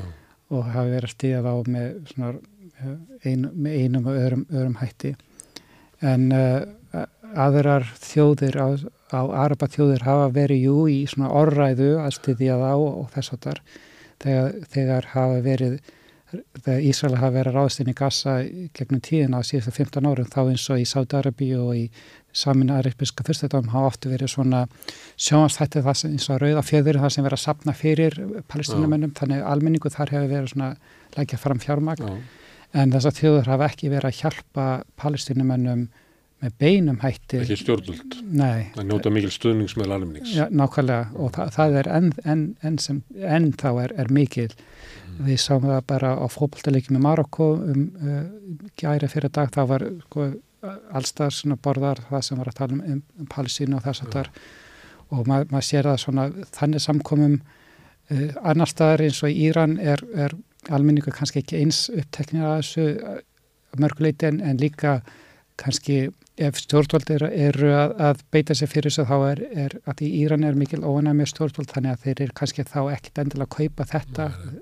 að því þá er þeir með þar með stiði stjórnvöld mm. þannig að þetta fer svolítið eftir, eftir innanlang ríkispolítikis mm. en palestinumenn eiga fá, fá að vinni og, og, og líka núna þú veist eins og með þetta Ísraelsmenn fá þetta græna ljós og, er, og fara grínlega þannig inn mm. en hversu lengi koma Evropabúar eða uh, Norður Ameríku þjóðir að, að leifa uh, þú veist, hversu lengi er þetta byssulegi, hvernig verður ljósi að guli ljósi? Og, og þú veist, er það vika eða tíu daga og, og hvað? Þannig að það, það er þetta, það verður aðtilsvægt að sjá hvenar sko ykkur gaggrinni kemur eða hvar ykkur krafa fólk setjast niður við samninga við borðið eða hvenar verður komið nóg Það gangi ekki á Vesturlandum að, að stjórnvöld þar stiði annan aðilann í stríði Já. að endanum þá eh, snýsta eitthvað enn í almenningssálatinu. En þú nefnir svona fríða viðræður frá því ég var bann og líklega þú líka. Þá hefur það verið litið á þessum svona eitt af verkefnum eh, heimstjórnmálana mm -hmm. að leysa þetta vandamál. Já. En við erum líklega bara fjærði heldur en áttast áður. Já. Það ekki? Jú hvað myndir svona þú veist, giska að veist, það er 30 ár síðan Oslo samkominlæði var 30 ár þannig og það átti sko, koma alltaf mjög ákveðinu ferli og, og, og leiðilega kom átti við þarna tvö sjálfstæði ríki Já. þannig að það hefur tekið 30 ára að gera ekki gerast en það var mjög symbolíst Já. og það leiti til þess að, að þá fekk málstæður palestinumanna eða svona þess að sjálfstæðis yfirlýsingar þeirra þá var tekið mark á því og þá var þá fram að þeim tíma þá var það ekki talið, þá var það ekki lítið sem á sem svona raunverulega sjálfstæðils yfirlýsingu. Eitthvað svona lögumæti með því að, Já, að koma fram sem eins svona ríkisvald. Nákvæmlega Já. og voru hann í kvítahúsinu og, og, og, og þess að það fengu fyrir að verðlun Nobels og fleira. En síðan hefur raunverulega ekkert gerst uh, í hvað var Oslo samningin. Þannig að nú, nú er réttindi palestinumanna í Ísrael og á, á, hérna, á Gaza og Vesturbakkunum hafa bara ekki batnað. Sko. Alls ekki og staða þeirra, þú veist, hafa maður deilum það hvort hún sé skári heldur en hún var þarna fyrir 93 uh, nema svona út af við, svona upp, þetta, þetta symbolíska. En um, þess vegna var, var allt kapplagt á að þessi tveggjaríkja lausn, væri, það væri málið og bara skipta landin upp eins og saminu þjóðuna gerðu þarna 47 og það væri besta lausn bara skipta, þú, þið búið þarna, þið búið þarna og síðan bara lifið eins og k- k- hver er nákvæmum þjóð. En núna, þú veist, er, er hægt að innleiða þenna, þessa hugsun eða þessa lausn núna. Og það er ekkert ljóst hvort það svo sé. Og núna er í síðknu mæli verið að tala um bara eitt ríki og en þá er það hverskuna ríki og það er svolítið aðtilsvært að sjá það að það er hver- hverjir eru stuðningsmenn eða stuðningsfólk einna ríkja lausninnar já, að því það, það eru bæði með palstunmann og Ísraela er ákveðin stuðningu fyrir því en á allt öðrum forsöndum og uh, þannig að kannski var í kækt ímdið sér núna að við ættum kannski ekki vera svo fastir í þess að tvekja ykkur lausn að hún er bara búin, hún gekk ekki og það, það er ekki hægt. Og staðin er þannig núna bæði hver fólk býr og hvar, við hver landsvæði að það sé ekki hægt að reyna þá að koma ykkur að línu og, og, og, og sagt hérna búið þið og hérna búið þar. En það var það kannski svona upphafið að þessu vandamáli. Og það, þess vegna leysi það ekki þetta vandamál sem þetta þessi tvekja ríkja lausn hérna, innleiti eh, eftir heimstöðlunum síðari Mm. þannig að gæti þá verið eitthvað svona sambandsríki það sem búa nokkra þjóðir palestinmenn og Ísraelar og fleiri Mm. inn í eitthvað sem var þá vonandi líðræðslegt ríki það sem þú hefur þessi réttendi það hefur verið að tala um það að þú ert arabík muslimi þá hefur þú ákveðin lög yfir þér og ef ég var í kýðingur þá fylgdi ég ákveðin lagkerfi þannig að það verður kannski nokkuð lagkerfi innan við inn í einu ríki. En það, það, það er svo margt sem þá gæti farið úrskeiðis já, og sérstaklega Ísraelsmegin þá eh, þeir sem tala um um eitt ríki þá er það bara um tala um eitt ríki gýðinga þá er, er búið að að fæ, færa palestinminna til og þá eru palestinminna bara hluta Jórdaní eða ykkur öðru arabaríki. Já, og þá var þarna bara eitt gýðingaríki en, það telja þeir, segja þeir að það sé tilgangum með stopnun Ísrael var að mynda ríki fyrir gýðinga þar sem gýðingar væri í meira hlutu og getur haft gýðingaríki eins og þeir vildi hafa það og haldi uppi öryggi fyrir þá. En uh, aðri segja hins vegar að, að uh, þú veist, þú, það, þú getur ekki verið gýðingaríki og líðræðsríki þú verður að velja, viltu verið gýðingaríki eða líðræðsríki já, og ef þú ert líðræðsríki þá getur ekki verið gýðingaríki Nei. sérstaklega svo stæðin núna þegar komið núna 25% af þjóðinni eru ekki gýðingar já, og þeir eru fjögusirhaðar og það sá þessi mjög hlutu á eftir að stækka Mm. þannig að sumir er að segja kannski innan framtíðina þá mun líðræðið binda enda á gýðingaríkið að því kannski vera þá meiri hluti þjóðar en ekki lengur gýðingar eða öfugt. Já, Að geðingaríkið heiði líðræðinu innan Ísrael. Það er nú huggur ótt um það innan Ísrael. Að. Að að eru þessi voru þessi mótmáli þessi voru þessi ma- mótmæli í sumar Já, Já. sem er um það að þetta get ekki verið saman. einmitt, En uh, líklega er það hannig að, að það þarf þriðja aðila já, til þess að koma að lausna það. En Þú ert eiginlega að lýsa því að, að þriðja aðilin, hann er svolítið blanko um það hver gæti verið lausnin. já, Af því að lausnin sem kom fyrir 30 árum, hún hefur ekki reynst gangu upp já, og eiginlega eru allir með ráðalösi gagvart þessu. já. Mm.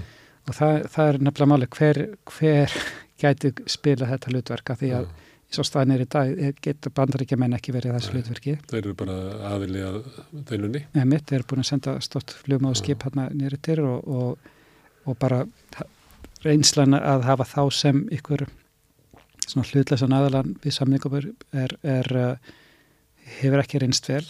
Hins vegar er hver annar geti komið þessum aðlum saman. Og Evrópa hafið eitthvað tíman hugum að verða svona sjálfstætt abla á alheims vettvanginum en það er viðst verið að gefið eftir. Já, mitt. Sætta sig við að vera bara leppríki í bandaríkina. Já, það er náttúrulega eins og Kína komið mjög aðtölksvert útspilum daginn þegar þeir voru hérna, náðu að, að, að semja fríðamilli Íran og, og Sáta-Arabíð. Það var mjög aðtölksverk hvernig stað þeirra mm. er þar kínverjar hafa fram að þessu ekki sínt þessu málaflokki miklu máhuga og eru ekki, kannski tengjast þessu málaflokki ekki eins og sumu tilfinningaböndum og kannski... Samt komur ríki frá þessu heimsluta inn í BRICS núna í sumar. Nákvæmlega, já. Þannig að, að Þannig gæti verið að ykkur Asjuríki eins og Indland mm. og Kína fara að líta svo að þetta er deila í vestur Asju og við erum Asjuríki og við viljum koma friði í Asju allri.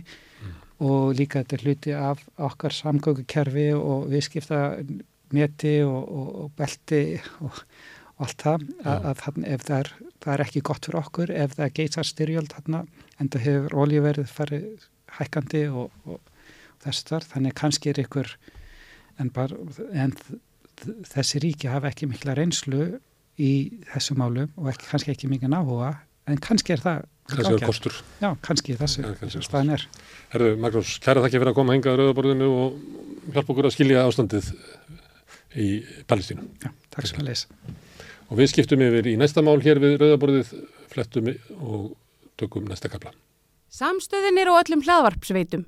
Rauðaborðið, Sanna Reykjavík Samtal á sunnudegi og helgispjall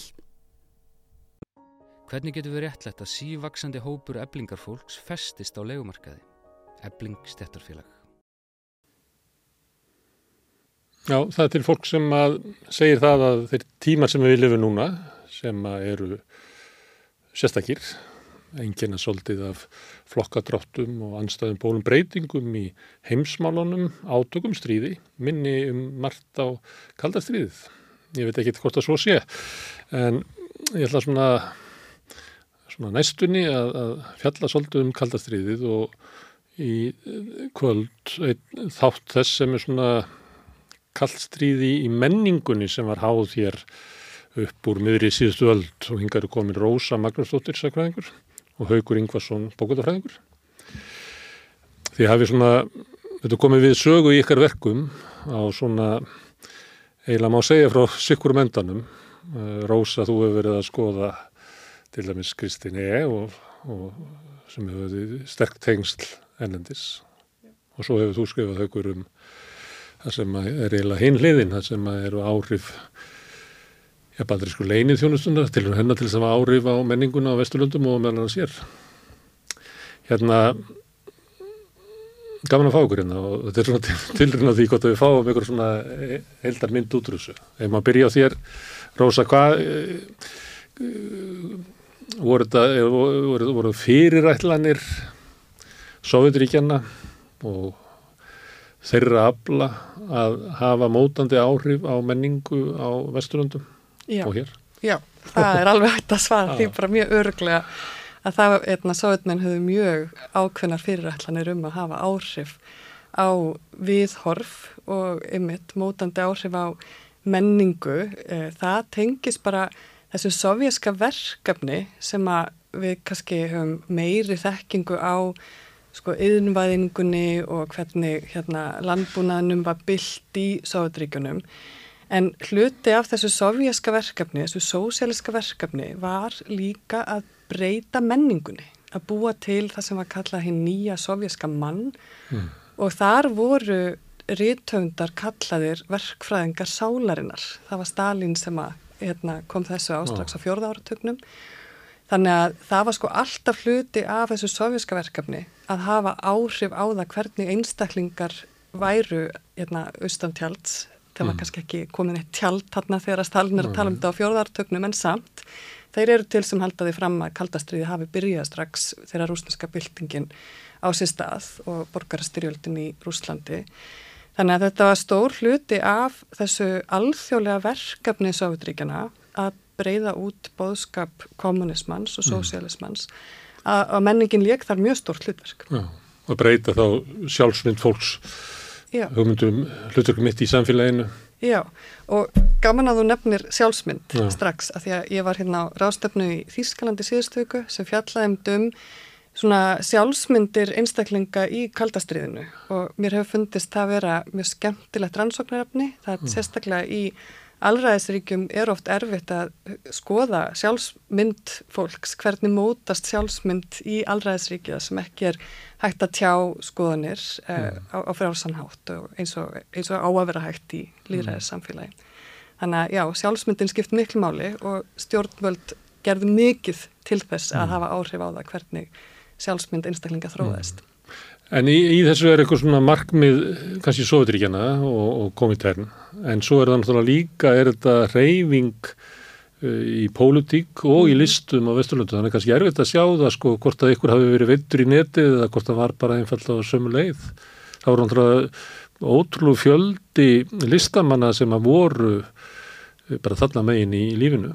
Já, já þannig líka svolítið sko að hugsa um sáutíman í heilsinni á þess að þriðja og fjórða áratögnum að þá er alveg ótrúlega fjöldi mentamanna sem aðhyllist kommunisma og ja. sósialisma og það er að vissuleiti auðveldar að skilja þess að, að, að fólk hafi séð einhverja, framtíð í þessari útgáfu, þú talaður upp hafi líka um, um ólík kerfi, þetta er, ja. ég menna, kaldastrið er miklu leiti þetta tvípúla kerfi og sko sovjasku sósialismi er að bóða ákveðna tegund af nútímavæðingu og í, á meðan hérna á þriðja og fjörða áratöknum er mikil efnahagskrísa í vestrinu mm. þúsundir bandarækjamanna til dæmis taka þátt í uppbyggingu stalinismans mm. í, á þriðja og fjörða áratöknum Skiljanlega fólk hafi fallið fyrir sovjasku byltingunni þar sem alþýðan tekur völdin Já. fyrir alla alþýðu sinna og verkalið sinna þá er þetta náttúrulega verið bara eins og Já bara svipað og, og, og siðaskiptin að Guðs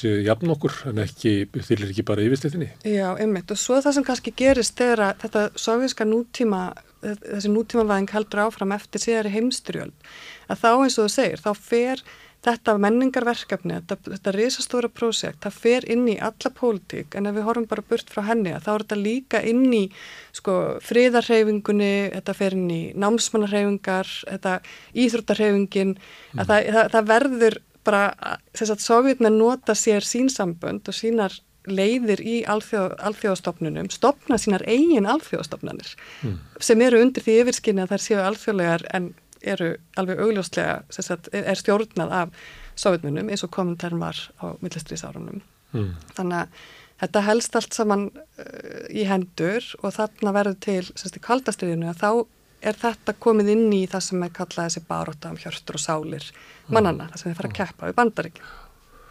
Haukur, það er, þetta kemur við sögu í, í þínu verkum, kannski svona í bakgrunni að einhver leiti, en hérna bandagjæminn eru eiginlega með viðbröð við þetta sem að, við þessu sem að Rósa er að lýsa.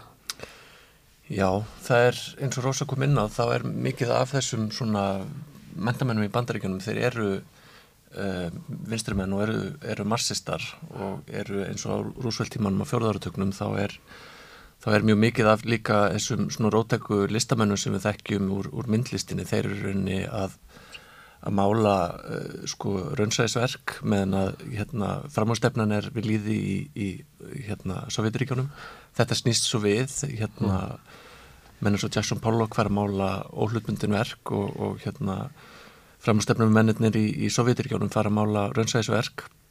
Þannig að það er alls konar vendingar í þessu sem að kannski sér ekki alveg fyrir og, og þróunum oft svolítið, svolítið sérstök en eh, ég var að lesa grein bara um, um daginn þar sem var uh, svona Þullering sem, að, að mjög áttið áhugaverð að það er talað um að, að það veri mjög mikil trú á, á uh, bandaríkin sem svona reyfabli í, stjórnmálum uh, á tímum hérna setna heimstyrjaldarinnar og, og það hefur kannski verið í upphauðu kaldastriðsins mjög svona jákvætt viðhorf við það til, til bandaríkjamanna sem svona uh, já, reyfabli svo alþjóðsviðinu sem mm. kom það með eitthvað, eitthvað, hafði eitthvað svona jákvætt að leggja til. Líka menningarsviðinu að Já, okkar kannski... menning hafi strandað en þeirra menning siglir, einhvern veginn svolítið hugmynd sem að Evrópumenn horfa til bandaríkina. Jú, en þá mitt var sko kannski ennþá eimdit alltaf eftir að þessum svona andamerikanisma sem var mjög svona við líði í, í kringum í uppa, upphavaldarinnar mm.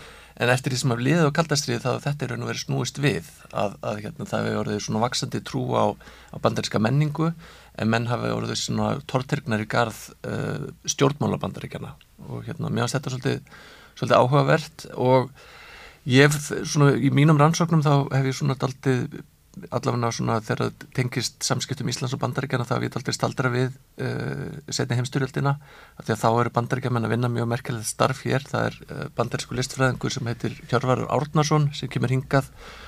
Og í rauninni vinnur bara með Íslandi eins og einhverslega tilrunastofu þá eru mm. bandaríkjumenn mjög lítið farnir að beita sér, eða beita menningu í, í svona hérna sína áráðustarfi en hann heldur hérna myndlistarsýningu, þeir eru að spila sjóstókvitsir í Ríkisútvarpinu, þannig með viðtalstætti, þeir eru að gefa bækur og plötur og, og þar framöndu göttunum og síðan fara til dæmis uh, sko hundrað uh, íslenski námspenna minnstakosti til bandaríkjan í nám.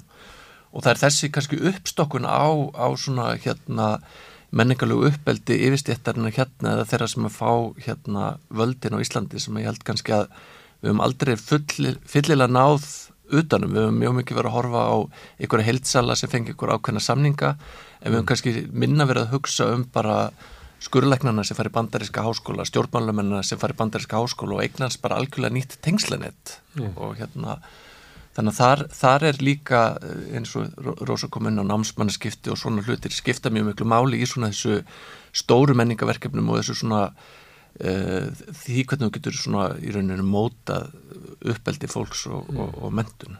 Og ítt undir svona amerikanseringu íslenska menningar kannski, eða er það fáminnið að við höfum ekki nógu stert eitthvað annað til þess að standast? Það er nú í tilfinning held í flest íslendinga við sjöum svona amerikanseraðri heldur en flest öðrum land.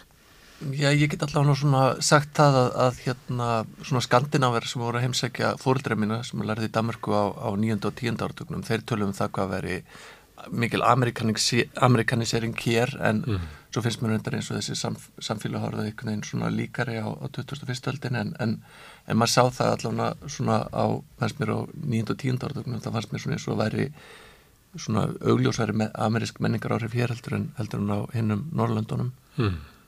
En ég kann svo sem ekki ég, jú, það er svona á, sér náttúrulega sína skýringar en, en hérna en en uh, bandaríkjumenn alltaf voru að beita sér víðast hvar í, mm. í vestur-Európu þannig ég held að Ísland sé ekkert svona eitthvað svona algjörlega einstakta æmi En þetta er hérna eins og haugubendi á og þá er þetta náttúrulega eitthvað skondið að hérna við rústinsku byltinguna þá er svona móturismi þar, futurismi og fleira mm -hmm. sem að sovjetmenn leggja bara niður og taka upp social realisma mm -hmm sem er náttúrulega getur verið erum svona svo vöna hlægjáðunum en hann er náttúrulega hann er bara að setja alþjóðuna í, í, í forgrunn að gera alþjóðu fólk af, af aðal söguhötjum mm -hmm. hann er líka það, hann er ekki bara um sigur flokksins eða eitthvað slíkt og svar bandarækjumenn er þá að taka upp mótunismu sem hérna, uh, bildingabennili lögðu frá sér og þetta er svolítið svona Eh, þannig að ég held að maður, ég, þegar ég var að lesa þetta þá var ég, maður var ekki vanur að sjá sko móturisman sem raunverulega ansvar við, með svona pólitíst ansvar við, mm -hmm. við hérna sósjálfrealisman mm -hmm. mm. Þetta, þetta er alveg áhugavert einmitt hvernig einhvern veginn í öllu þessu kalda menningastriði að þetta er svo mikið samtal alltaf á milli án þess að einmitt mikil ótti, mikil heift, hortrygni en það, þeir eru alltaf að bregðast við hínum aðilanum. Það er það sem ég meina þegar ég segi samtali, þetta er mm. ekki samtal á eitthvað vin, hérna, vinsamlegan máta og það sést einmitt í myndlistinni og og það sést í tónlistinni uh, oft talað um eins og hérna, klassiska tónlist og hvað hún hefur skipt miklu máli fyrir fyrir kalda menningastriðið og hún, það, hún gerði það svona framanaf, ég sé dæmum það frá öðrum löndum að hérna, sérstaklega manni eftir frá Noregi að þar hafi bandarík, bandaríkjaman tekið svona við sér og hugsa að ah, sovjetmenn er alltaf með klassiska tónlist mm. og það er svo vel sótt þannig að nú ætlum við að gera það líka. og svo, og svo snýst þetta við þegar að bara fljótlega upp úr miðjum sjött áratögnum bandarækjumenn fara að veðja á neyslumenninguna og hérna nútímaveðingu heimilistarfa, uh, tæ, tækjaþróun og svo framvegis að þá fellur það allt saman í skuggan, þá fyrir Krúsjóf líka að byggja upp mm. hérna nútíma eldhús fyrir sovjaskar húsmaður og svo framvegis, þannig að það er alltaf einhvern veginn svona, pendullin sveiplast svona á milli þessara, þessara svæða mm. og þeir bregðast við eins og Haugur er að segja þá var hérna, voru bandarækjumenn með öflut menningastarf hér á Íslandi strax í síðar í heimsturjöld og sovjetmenn opna sendir á hér 43 og byrja á, líka um leið að huga að þessum þætti, að þeir vilja ná betri tengslum inn í mentamannasamfélagið á Íslandi og, og reyna lengi að fá sagt, þetta menningastarf í eitthvað svona skipulaðan farveg og það tekst fyrst ára 1950. Hmm. En er uppgangur mótunismans er hann drifin áfram af svona að ofan að einhver leiti að hann sé stilt upp gagvart sósirrealismannum og svona alþýð, alþýðu list sem til þess að stilla henni upp sem svona vannþróskuðu og meðan að hér eru við með móturisman sem er einstaklins meiri einstaklinsíkja, meiri sín listamannsins og svona eiginlega, svona maður sem er komið lengra því voru svona, svona sjálfsmyndir að þá er svona sjálfsmynd móturismans er svona einn ein úldra sjálfstæði maður Það er náttúrulega svona það, það er náttúrulega bara alltaf erfitt ef þú ætlar að þér að, að vera með mjög einstrengingslegan málflutning mm. þá er mjög auðvelt að finna þér högstað og hérna uh, svo er realismin að minnstu kosti eins og uh, veist, það, það er líka svona eitt af því sem er erfitt að hérna maður getur fundið einhverjar reglubækur frá kommentarnum um það hvernig sosialrealism átt að vera.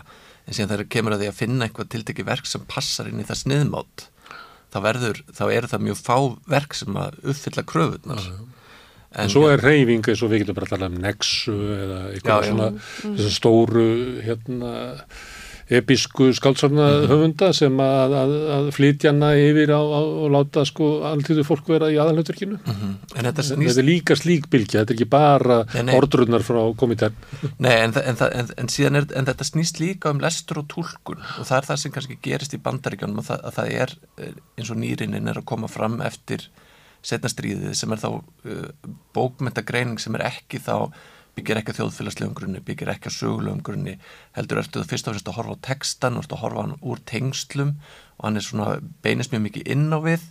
Og þá ertu ekki kannski að lesa ykkur stórar kenningar út úr textanum sem slíkum, þannig að það ertu strax komið með ykkur slags svona uh, mótsvar við þá svona frekar uh, félagslegum og, og hérna marxískum lestri á, á bókmyndum þannig að það er kannski, ertu líka farin að, að hérna uh, aftengja mentamennina daldið svona einhverslega svona breyðara samtali um samfélagsmál mm.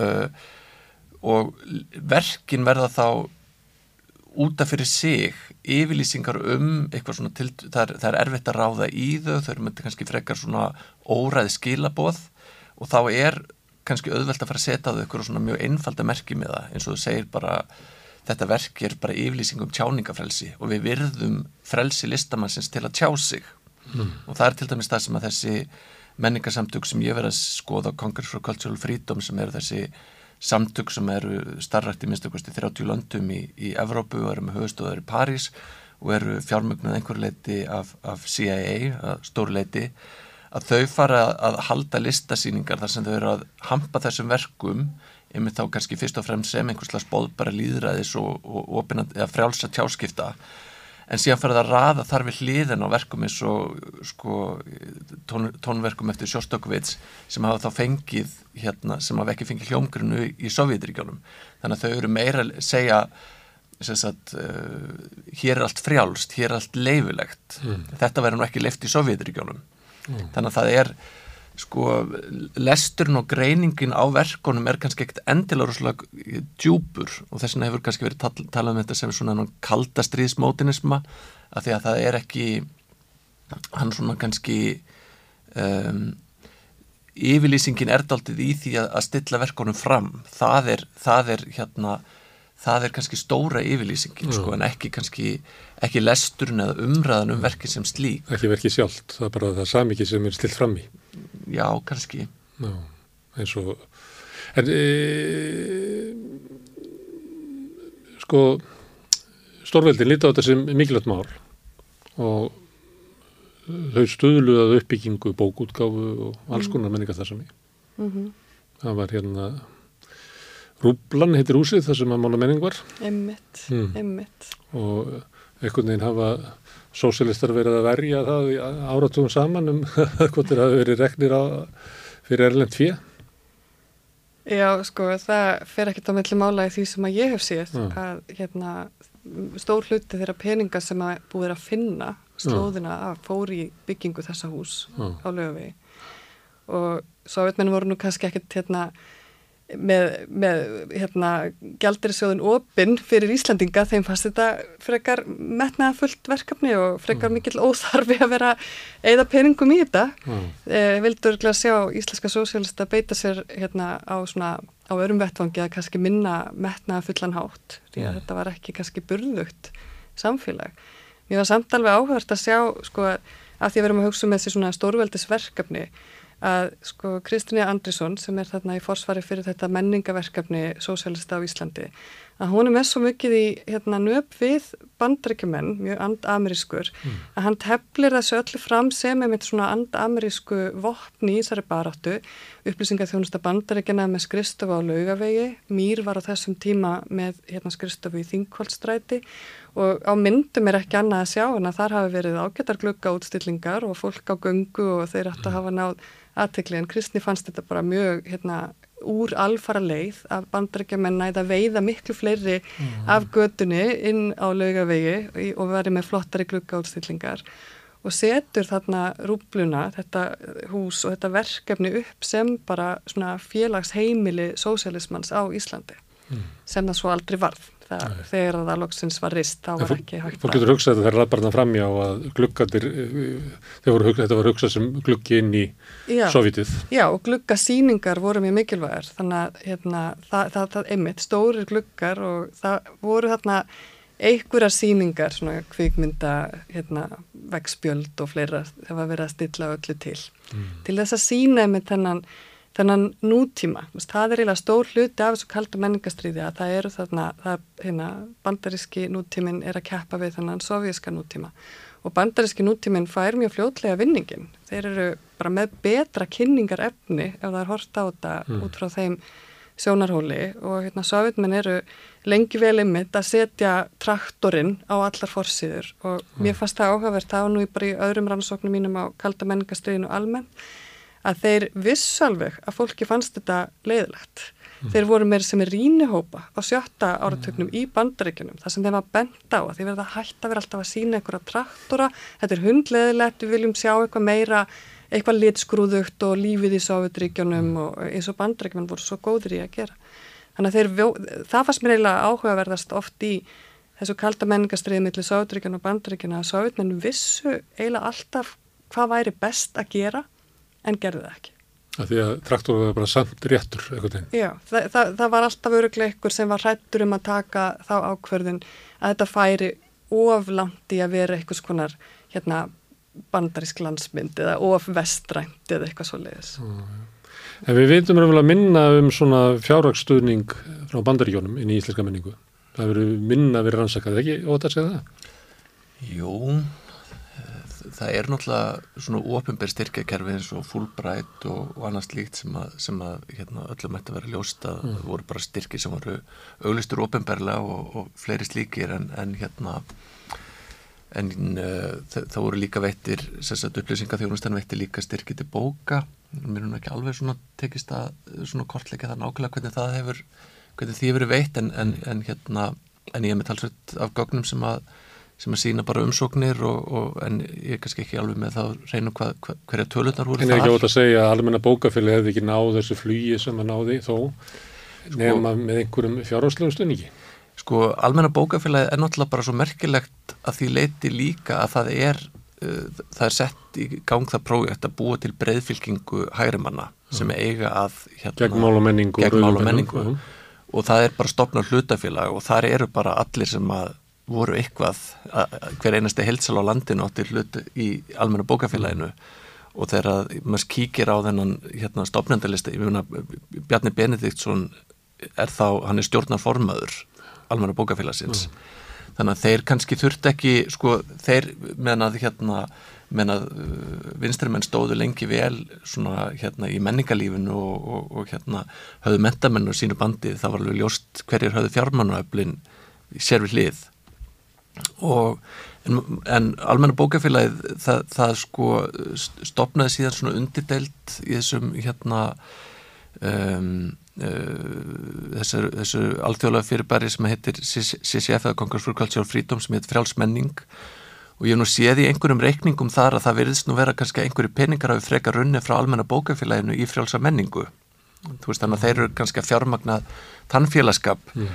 en, en ég held sko að, að hérna allan of sko til að byrja með þá stóð almenna bókafélagin mjög vel fjárháslega mm. en hins vegar er, hins vegar er sko er ákveðið svona upplegg það er hérna það er svona þeir fá fyrirmynd að utan þeir fá, þeir fá erlend tímaritt þeir sjá mm. hvernig verða að gera þetta það er ákveðin tegund á svona and-amerískri neða and-sovjískri orðræðu svona eins og hálfgerðu hjáttningakultúr sem kemur líka í gegnum þessi þessi samtök, það sem eru svona áhrifmikli mentamenn sem er að stíga fram og er að þá að mm. gera upp í fortíð sína og ég er mitt er uh, í sögu sem er að koma út núna uh, síður í þessu mánuði þá er ég með grein það sem ég er að skoða þrjá íslenska vinstrimenn sem voru allir mikilvægir fyrir íslensku vinstrihefinguna Sigurbjörn Einarsson uh, Skaldi Jón Óskar og síðan hérna Arnur Hannibalsson sem var uh, student í, mm. í hérna Sovjetríkjónum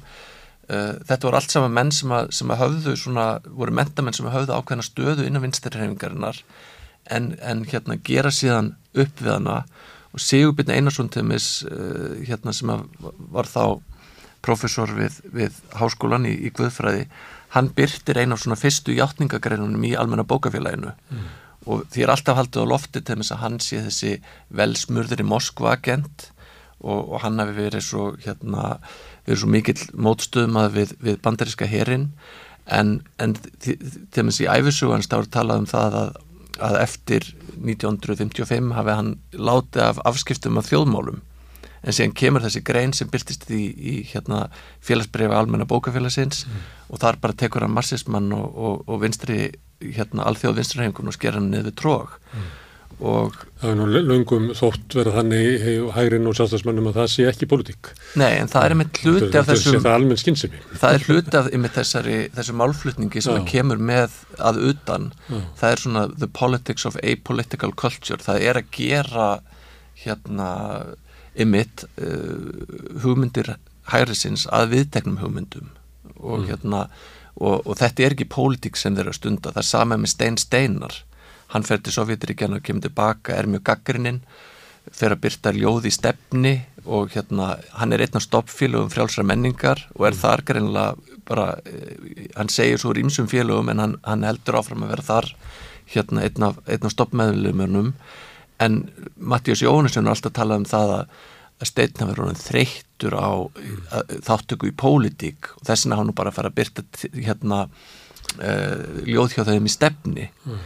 Og hann er, finnst mér Það er pólitísk uh, gjörð í þessu samingi ég, ég, ég held að hann tegnis sé svona verði í, í, hjá íslenska hægrinu þá er hann til dæmis þetta, þetta hérna uh, tákmynd fyrir svona þetta, þetta frjálsa ljóð sem er þá nátengt líðræðis hugssjónni og órættur við að gaggrina hann segir það sem hann mm. finnst en hann er ekki pólitískur mm. lengur mm. af því hann er ekki lengur sósialisti En áhrifin að þessu er náttúrulega eitt eru ykkur peningar sem er ganga á milli eða svona vilji hérna, sovjetmanna eða leinithjónustunum að eitthvað gerist en kannski miklu stærri hluti er það að fólk er bara að yrkja sína menningu inn í kaldastrið þar sem að þessar línur likja fyrir.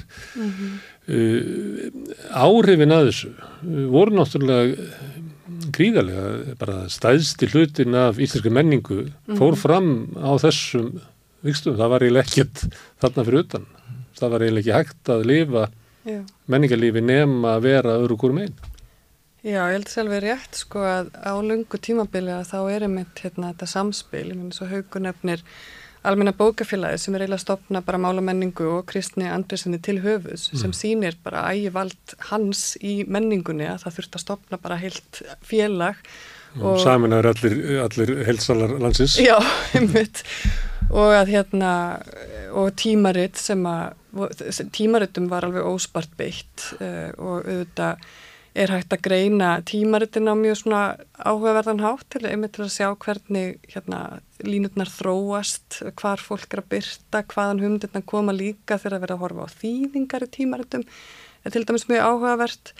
Þannig að jú, þetta hafði alveg ótrúlega mikil áhrif á uh, menningarlífið á Íslandi.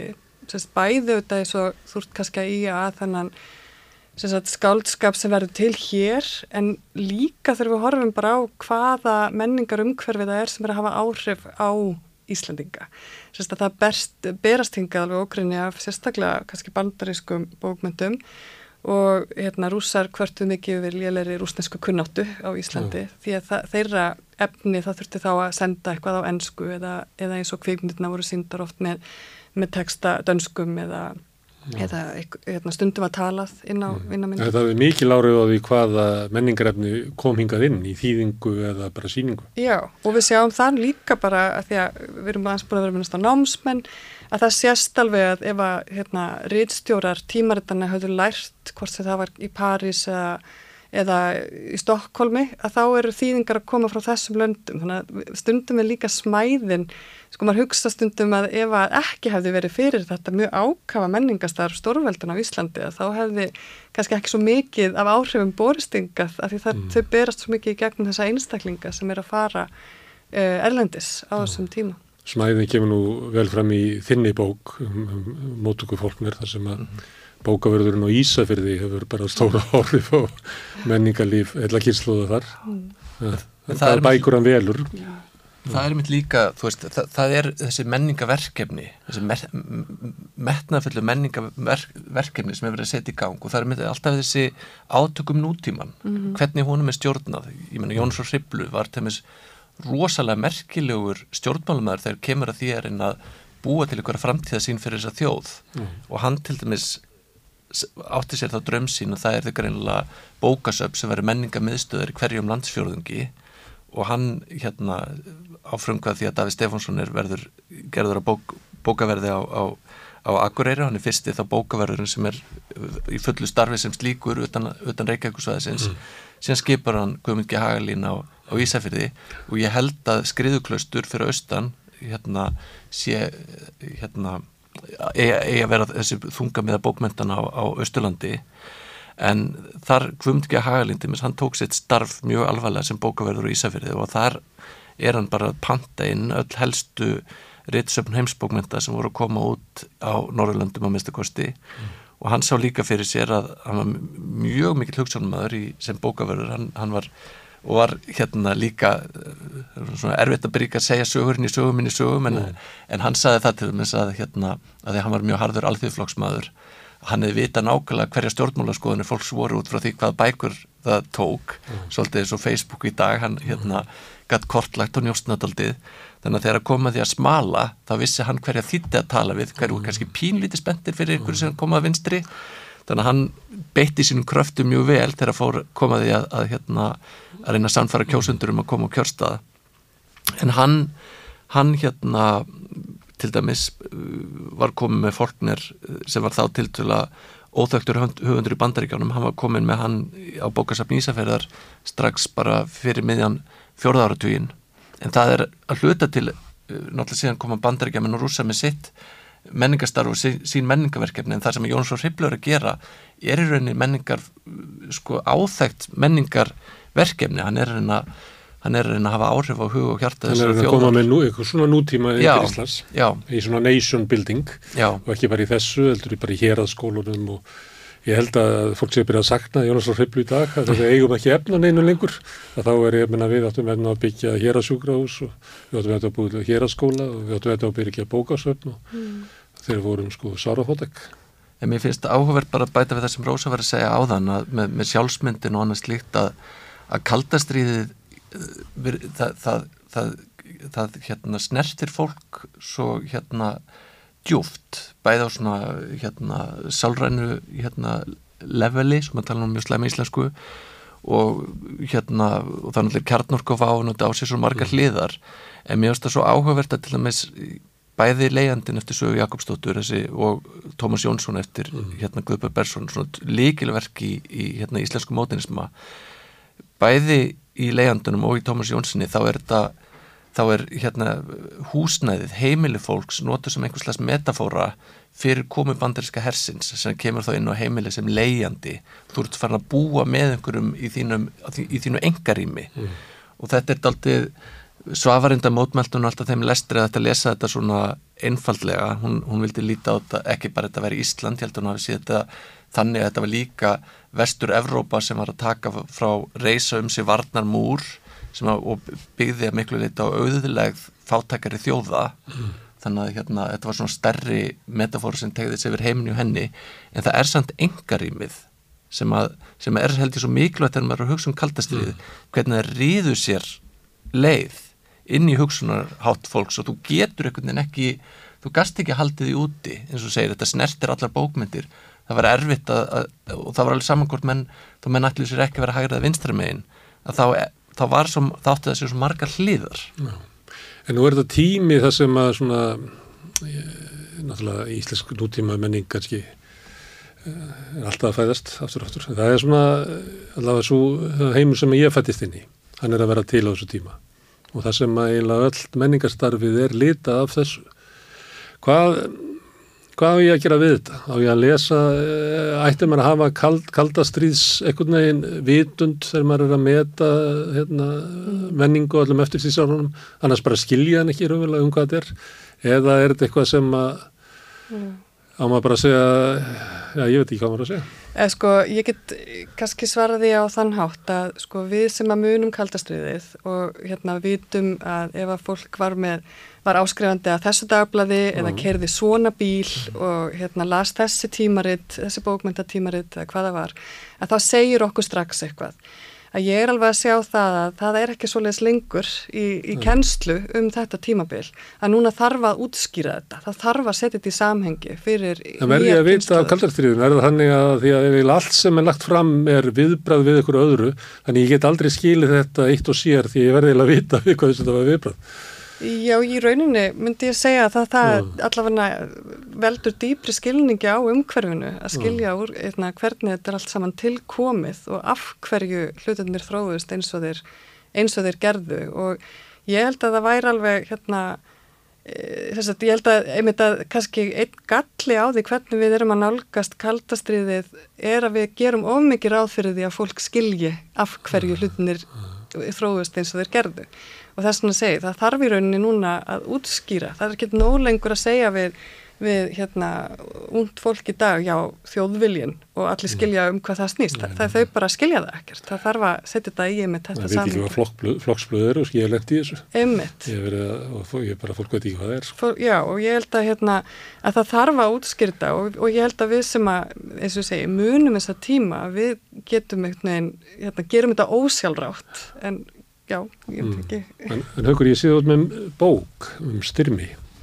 Já, þetta er... Það er nú aldrei kaldastríðsmaður. Já, Hann talaði er... um kaldastríði sem tíman þar sem að var alvöru baráta um alvöru hluti og, og við lifum eiginlega bara eitthvað útsynt uh, leiðindi í samabörðu við þann tíma sem hann lifið þegar hann var ungur. Þannig var bara verið að berjast í hverju, bara, í hverju orði var hérna, verið að berjast um framtíðina.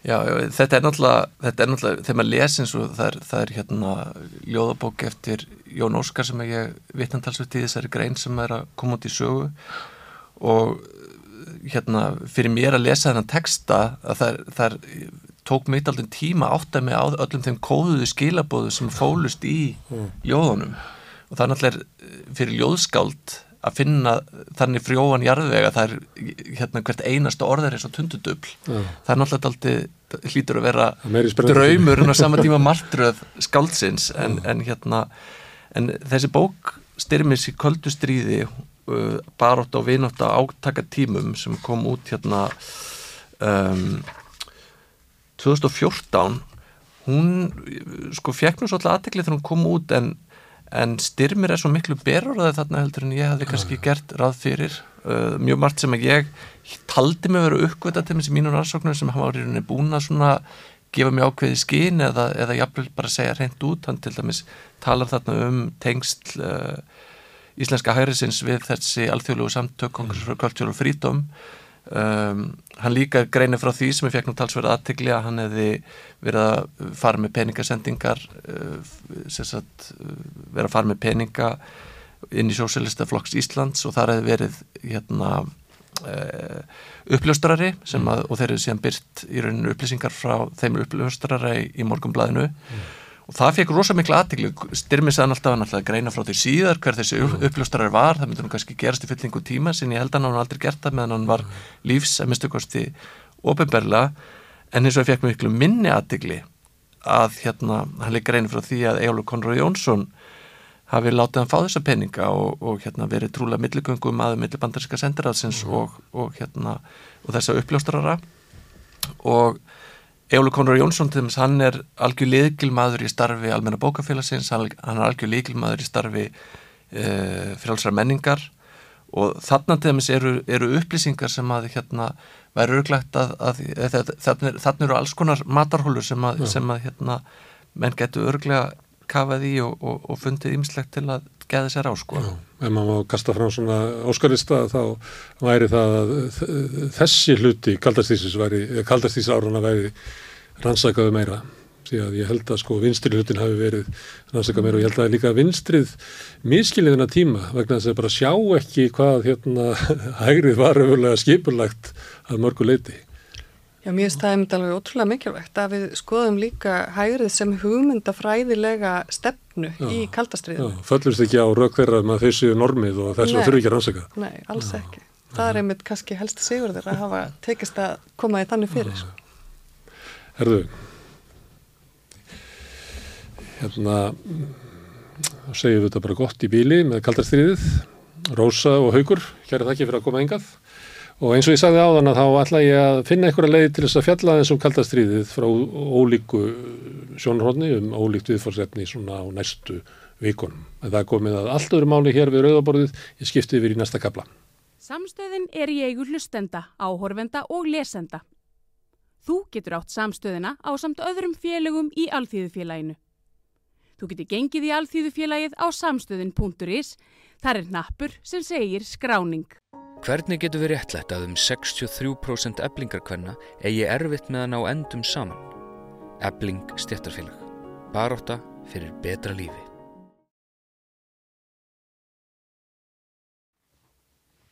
Já, við ætlum að ræða um flóttafólkið frá Venezuela sem er eh, margt á Íslandi eh, og ráða ekki stjórnaldir að flytja á landi en, en það er svo margt þetta fólk að, að það er mjög víða og kannski á stöðum þessum að, að okkur dettur kannski ekki fyrst í hug. Það er til dæmis margir söfnur sem að eru að aðstóða uh, þetta fólk, þetta veglösa fólk og hinga eru komnir fulltrúar úr þremur söfnum, get ég sagt að það ekki. Uh, Hjördis Kristisdóttir sem er kaftinn í hjálpaðisætum, Ingun Fjóla Ingþórsdóttir, geta hjálparsamtökunum, Gett og Geður sem er starfið í Hafnafjörðarkirkju og Helgi Guðnarsson frá Fíladelfíu. Verður velkominn. Hérna, má, með, það sem ég vil langa bara er að svona fræðast um stöðu þessa fólks og, og, og afhverju það kemur til ykkar og, og hvað aðstóð þið getið veitt ef við máum að byrja á þér, Hjördis.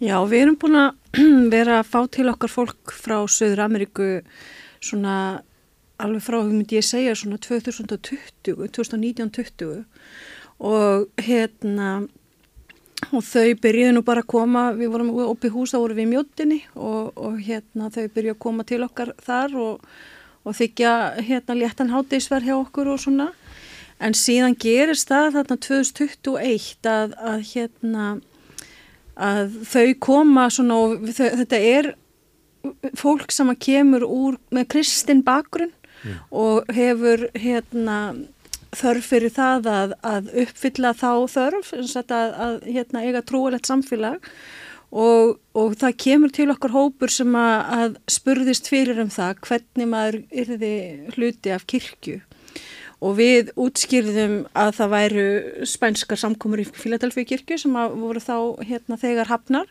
Og þá var það svona þú og það er bara eins og, hérna, eins og við erum öll, við erum öll mismunandi og það eru mismunandi svona trúarhefðir sem að, að passa fyrir okkur og þeim fannst þau einhvern veginn ekki finna sig þar. Og við bauðum þeim þá að halda samkomur hjá okkur, þetta var svona fjörutímanna hópur eitthvað svo les og, og hérna og svo svona smátt og smátt að þá við vildum ekki hafa kirkju í kirkjunni en við vildum svona eh, passa að, að þetta væri, þau væri svona hluti af okkur. Og svo hefur hann bara þróast þannig að, að núna erum við bara með eina samkoma sunnudögum þar sem við erum saman Íslandingar og Söður Amerikufólk og, og, og hérna það er bara mjög fallegt, bara íslensk-spænskar samkomur og, og hérna og þau hafa verið að koma mjög mörg og mörg orði bara meðlumir hjá okkur mm. þannig að það er ekki, svona, ekki bara það að þau komi af því að þau hafi þörf fyrir einhverja velferðar aðstóð, heldur líka bara þess að trúalega samfélag mm. að vera partur af því mm. sko. eins og ofta er þegar fólk flytur á milli, þetta er oft þegar fólk flyttur mikið úr sveit í borg mm. þá eru söfnur oft það sem að ég segi ekki ígildi þorfsins mm. þú þarfst að hafa eitthvað samfélag, Já, það getur ekki verið bara einn og gottur Nei, Nei. Mm -hmm. Er það ningun, ykkar starf í Hafnarferðar kirkju? Já, það er eh, kannski svona aðeins eh, annars eðlis, þetta er fyrst og fremst félastarf sem við hérna eh, regum og eh, við erum ný samtök eh, þetta starf fór að stað svona í kjölfarið af uh, Úkrænu stríðinu, þegar stríði bröst út í Úkrænu og hérna var raunni, já maður segja mitt frumkvæði, ég bý í Hafnafyrði og tók eftir því að það var óbúslega mikið af flótafólki í Hafnafyrði og hérna en þjónustan fyrir fólkið og félastarfi var einhvern veginn öll í Reykjavík. Og þetta var mikið fólk með börn þannig að ég hérna hafði samband við stopnanir í Hafnafyrði bókasafnið, uh, Hafnaborg, menningar og listamistöð og Hafnafæri kirkju og setti af stað samstarf þar sem að, uh, þessar stopnarnir opnuði dittnar fyrir flottu fólki og já og þetta hérna og það voru líka, það voru fleiri kirkir Hafnafæri með, það voru líka Ástjarnakirkja og Viðstakirkja og meðan að stóri ströymurinn var að streyma hinga frá Ukrænu að þá voru opin hús á öllum þessum stöðum og fólk að fengið uh, stuðning og, og samtal og hérna og svona, hvað maður segja, svona uh, hérna activity mm. uh, á, sem að fólk gæt leitað í mm. en svo svona gekk þess, þetta svona flóð svona gekk aðeins yfir og hæðist á og þá fór starfsemi svona aðeins að minga og fór að kjarnast við það að vera bara opin hús í Hafnafjörðarkirkju uh, með sjálfbóliðum sem að hérna uh, eru starfandi með mér en stránt til tekið eru við sko sjálfstæð samtök, við tengjumst ekki beint kirkjunni að öðru leiti en, a, en að við erum í mjög miklu og góðu samstæði við kirkjuna. Þeir eru í húsinu en ekki í söfnunum? Já, akkurat. Mm. En það skiptir hérna, málið að þetta sé í kirkju, þið það? Sko, já, Já. Það er henda nú til þess, það eru oft í miðunni uh, og já, einmitt, uh, sko kirkjan er náttúrulega bara algjörlega rétti staðurinn til þess að taka móti fólki sem er í neyð og þarf að hjálpa að halda. Uh, húsnæði þarna er mjög gott, það er mikill velvilji innan kirkjunar til þess að aðstóða okkur því sem við erum að gera og við erum búin að vera miklu samtali við uh, Torsíki Tóma og á, Ásulaufi, hérna, presta einflýtinda, þannig að við fengið góð ráð hjá þeim þannig að þetta fer mjög vel saman. Uh, og, og í rauninni sko já, hefur bara kirkjan reynst okkur greiðilega vel, þannig ég er mjög þakklátt kirkjunni fyrir að hafa að, hérna, aðstöða okkur í þessu. Mm. en svo hefur við hérna, verið líka semst, mikið á okkar starfi er samstarfi stopnarnir og það hefur vikað aðeins út, þannig að við erum líka í samstarfi við menningarhúsinni Kópúi og okkar aðalstarf er félastarf, þannig að við erum með opin hús, við erum með viðbyrði, við erum með smiðjur og þessar smiðjur fara fram til dæmis í Hafnaborg og í Gerðarsafni og í hérna Náttúrfræðstofu Kópavóks mm. og ymsi e, viðbyrðir á ymsum tungumálum. Þannig að okkar markmið er svolítið að, sagt, í, hérna, já, að hafa eitthvað uh, við að vera fyrir fólkið en líka bjóða þau velkomin og taka þau inn í samfélagi þannig að eins og viðbyrðinni sem hafa verið menningarhúsunum er alltaf fyrir Íslandika líka að þannig að það er svona fjöldtingdarsmiðjur það sem fólk kemur saman þannig að við viljum svona kannski, já, brúa bylið og, og hérna opna samfélagið fyrir ymsum hópum. Mm. Helgi, ykkar saga? Já, það var hérna, eins og ég hörti í Svintins það, sko, það, það er svolítið síðan að byrjuð samkomur á spænsku mm. og þá var nú ekki, þá held ég að það bara verið að hitta einn viðsvilamann á Íslandi mm.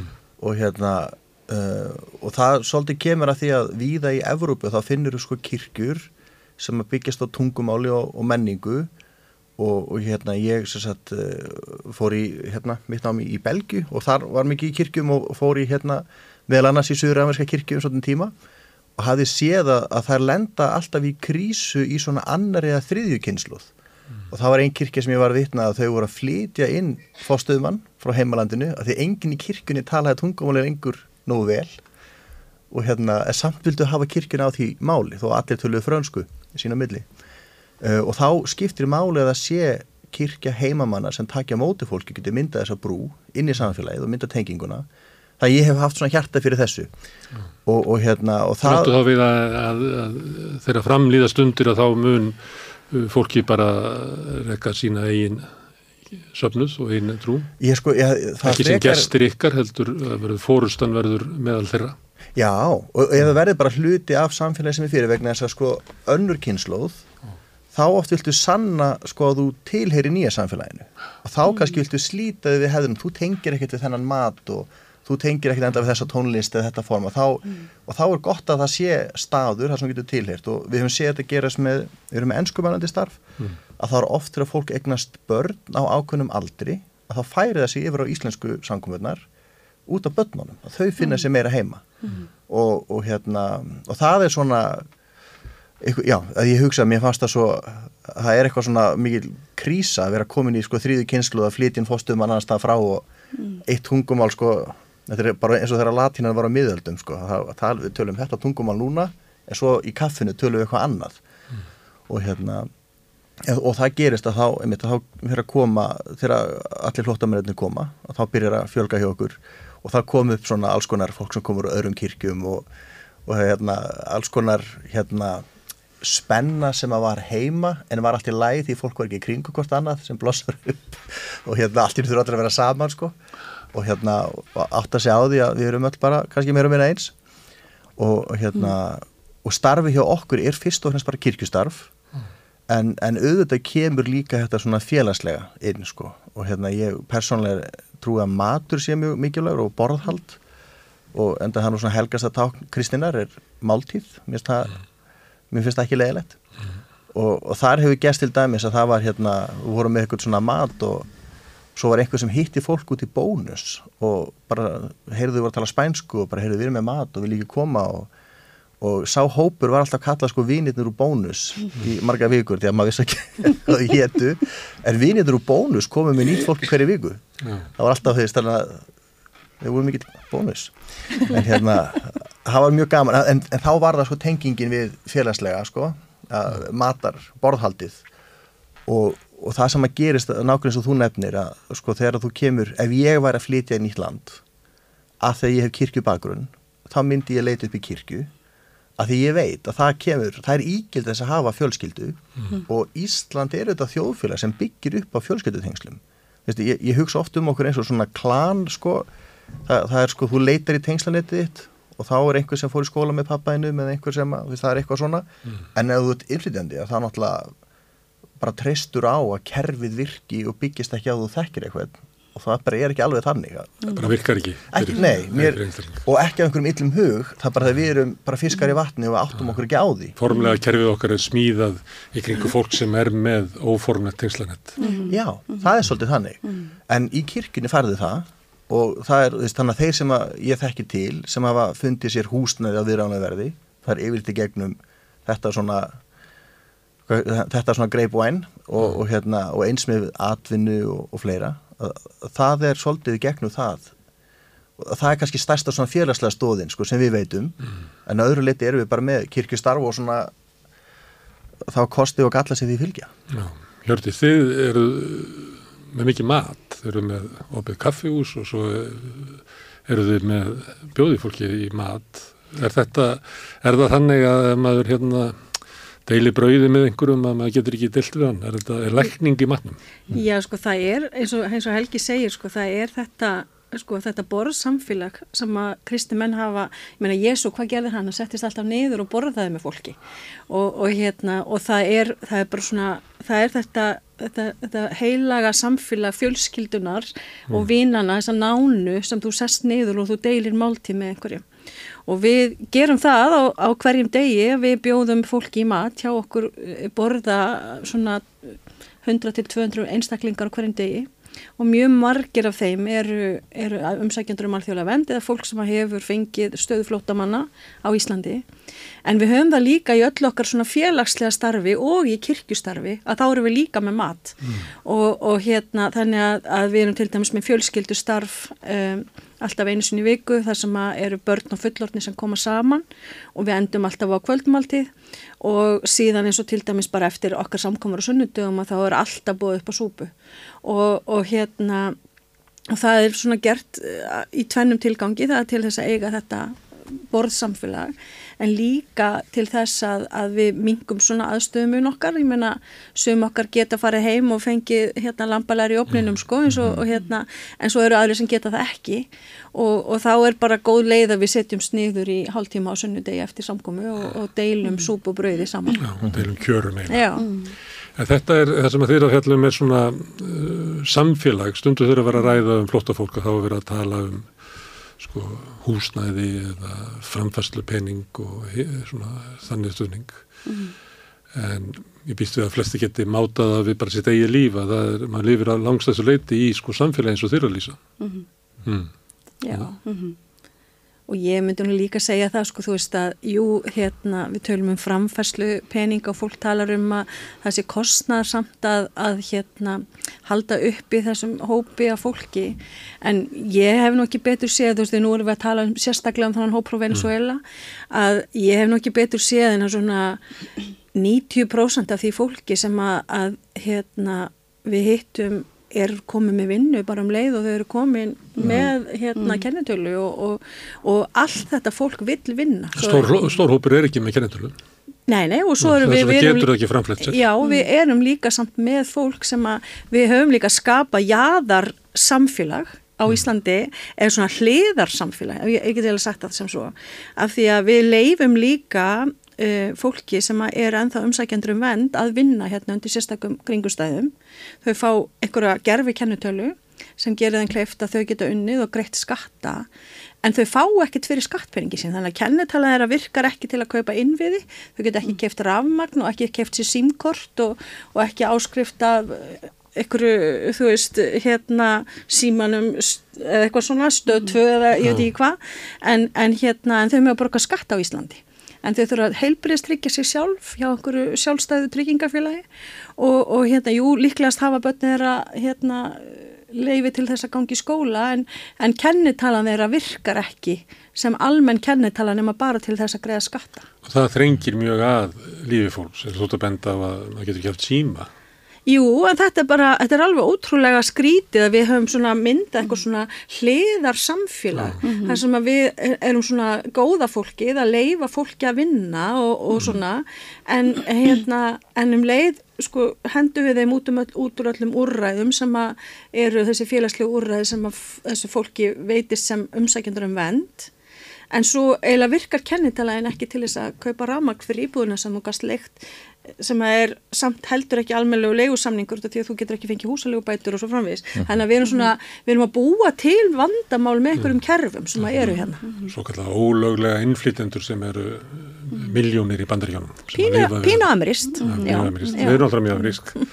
Herðu en þessi hópur sem er hérna og býður umvöldlega er svolítið með auksina ánkvæmdið við höstum. Mm. Hvað, hvað það lýsa svona Já, er, þetta er mikið af fólki frá Venezuela sem kemur til okkar og eru svona fasti gestir. Það er, það er mjög mikið sami hópur sem kemur til okkar alltaf á förstudöfum og þetta er orðið svona samfélag sem að hérna bara þekkist orðið vel innbyrðis og, og veitur hvort það eru stuðning og hérna uh, í, í fyrra fann maður hérna mikla jákvæðni og gleði að því að fólk var að fá hérna var að fá vernd og var að fá kennitölur og stíga sín fyrstu skrefin í samfélagið og hérna eins og smám saman hefur sko e, ástandi þingst og núna ríkir bara mjög mikið hræðsla og mjög mikið sorg og uh, já, fólk er mjög bara rætt og óttasleið um framtíð sína uh, og, og maður upplifir líka að þetta er svo einhvern veginn svo ósangjant af því að það er fólk sem að kannski kom tveim vikum og undan öðru fólki og það rann í gegn á meðan að fólk sem kom tveim viku setna með nákvæmlega sömu bakgrunnsögu en festist í kerfinu, býður í heilt ár, fær svo sinjun og er núna að hérna, áfrýja þeirri sinjun og veit ekki hvað verður. Uh, bara algjörlega svipar aðstæður og hjá fólki sem er núna bara farið að vinna mm. og, og komið með íbúður. Þá er það fólk sem bara veit ekkert hvað verður, því að það getur eða ekki hort lengur en þessi tíma, það sem er fáið okkur en endalega niðurstuð, því að valkostinu þar fyrir aftan eru eiginlega bara... Já, og við erum að tala um fólk sem að hef, uh, seldi allt til þess að mm. komingað. Það hefur ekkert til þess að fara tilbaka til uh, og þau segja líka og ég trúi þeim að það hefur ekki breyst ástandi í Venezuela. Mm. Þannig að það er alveg jafn hættulegt þar ja. eins, og, eins og var og þannig að, að hérna þannig þau bara sjá það ekki sem möguleika að fara tilbaka. Nei. Þannig að þau vita í rauninni ekki hver möguleikin er. Þetta er bara algjör óvisa. Hvað finnst ykkur, eh, Helgi, að nú er þetta, þetta er svo mikil fjöldi mm -hmm. að, og eins og þið sjáu það er óréttlætið í þessu svo augljóst og, og ég held að upplifi eiginlega engin á Íslandi þetta fólk sé fyrir neinum sko. Nei. En samt er svona líkur fyrir ákvörðin að ég bara flytja út sko 1500-2000 manns. Mm. Hvað, ég hérna, maður bara spyrja því svona, hefur þú trú á því að verði af því? Já, þetta er nú... Serðu það fyrir þér hvernig það fer fram að þessu 2000 manns smalað upp í bíl og fluttir út á flugvöld og flóið með börtu? Nei, ég, ekki á hennu bretta allavega. Nei. Já, ég, veit, ég hef ekki hugsað í þann liða, ég hef bara verið svolítið fastur í að hugsa um hvað þetta er ósangjant og mm. hvað getur við gert að koma í veg fyrir þetta. Ég er ekki mm. komin sko mm. og langar ekkert að koma með góður hugmyndir að lausninu hvernig maður gerir þetta. hérna, koma svona mörgum í burti. Það er svipust aða hjá þér og fólkinu að það er erfitt að sjá fyrir sér sko hver niðurstaðan er. Ég, ég held bara að það höndli enginn þá tilhugsun að bara sætta sig við þetta mm. af því að eins og þú bendir á menn, það er ennþá fólk að flýja og það er að mm. þingjast ströymurinn sko í áttabandaríkanum og, og hérna eins og lesa má í fréttum já, eins og lesa má í fréttum og mm. þannig að þetta er einhvern veginn sko ég, ég átta mig ekki og mér finnst það ótrúleg þrjóska yfir yfirvöld hér ætla bara að halda í það þó svo að allir aðrir í kringum okkur talum að ástandi sé ekki að skána að við gerum einhverja skíslu í mars og hún skal vera rétt mm -hmm og, og hérna ég, þegar ég fór eitthvað þegar svo skísla kom út og ég fór hann að lesa mig til þá sá ég sama mánuði veistu, voru einmitt rástefnur hjá Európa-sambandun og Kanada að fjallum alvarleika ástandins flottamanna aðstóðin í Venezuela voru að fjallum sko, voru hann að býða meiri peninga, það var svo mikil neyð og, og, og hérna og sama mánuð og Ísland kemst að þetta sé að lagast svo mikið og, og hérna og svo hérna kom held ég öllum örgulega óvart þetta þegar bandaríkin eiginlega lýsa því yfir að ástæði sér svo slemt að þeir ætla að framlengja mm. leifin þeirra sem hafa komist að þeir hafa nú verið mjög hardir sérstaklega fólk úr Suður Ameríku að þá finnst mér að alveg ótrúlegt ef íslenski yfirvöld ætla í alvörunni bara, ég veit ekki hvað hvað veldur því að fólk býtur þetta í sig og bara ætlar að þrjóskast með þetta gegn sama hvað mm. Það er eitt er það hvort ástandi sér slemt í Venezuela eða ekki því að e, önnur Evropalönd meta ekki svo að, að fólk voru Venezuela eða fá forgang. En Nei. Íslands stjórnul gerðu það, mm -hmm. svo bara hættuðu allt inn í við það. Mm -hmm. Já, ég átti nú samtal við hérna, fulltrúa frá flóttamanna, sam, hvað heitir þetta, flóttamanna ráð saminuð þjóðana og hún kom nú hérna einhver og var að taka svona út starfið okkar og eitthvað og ég spurði hana bara, ég sagði ok, það er alls konar upplýsingar á netinu og ég hérna nú ætlum bara að spurja þig. Þú ert hérna frá hérna þessari stopnun hvernig er ástandi, hvernig meti þið ástandi í Venezuela og, og þá sagði hún, já það er ástæði fyrir því að við höfum ekki gefið út nýja skýrslu um ástandi í Venezuela sen 2019 að það er svo viðkvæm og þó svo kannski þú sjáur einhverja örlittla breytingu til batnaðar á einhverju mánuði eða degi eða viku að þá getur það bara svo auðveldlega að fara tilbaka eða orði verra í næstu viku. Þannig að við höfum ekki, við höfum metið að svo að það er ekki ástæð til að gefa út nýja skýslum ástandi mm. og ég sagði síðan 2019, það eru fjögur ár síðan mm. og þeir eru ennþá þar og, en íslensk stjórnvöld fá sínar upplýsingar frá hverjum þá? Þú veist, ég svona já, ég skil ekki alveg mm. þess að Eitt er að reyna að skilja svona séð og ofan meðaltölum og svona, en svo er þetta líka skilja ástandi með því að kemur til ykkar uh, flottamæður eða flottakona og hún metur það sem svo að þetta er betra fyrir sig að flýja. Já, ég minn þetta fólk er ekki, þú veist, þú, þú kemur ekki frá einhverju landi í Söður Ameríku til Íslands að því þú hafði það svo gott heima hjá þér mm. þú veist, ég, hérna, ég, hann, hann Santiago sem er nú einn af þeim sem er hjá okkur og er hermaður í kirkun okkar og vinnur hjá okkur hann var nú með fyrirlastur um daginn á, á svona, heiti vinnustofa vonarinnar sem er svona hópur af kristnu fólki sem hefur hérna, verið svona fjalla um flottamann ástandið og, og svona og, og hann var að segja frá ástandin í Venezuela og var að segja að þetta var indislegt góðsenn land, þetta var bara svona svolítið land eins og Ísland með indislega fallega og góða innviði og bara, bara fólk bara drau bara hunanga hverju stráiðilega sko. Og svo bara einhvern veginn Veist, sem segir okkur líka bara veist, að við sem fólk bara vennilega manneskjur við getum lengt í þessu mena, mm. við höldum að við séum alltaf untouchable í öllu sko yeah. og erum hérna á þessu fallega góða Íslandi með alla sína innvið og allt það mm -hmm. Svo, og, og það, það hugsa reyngin þannig að þetta geti orðið okkar saga eftir einhver tíma Akkurat. og það var ekki þannig með þetta fólk heldur sko mm.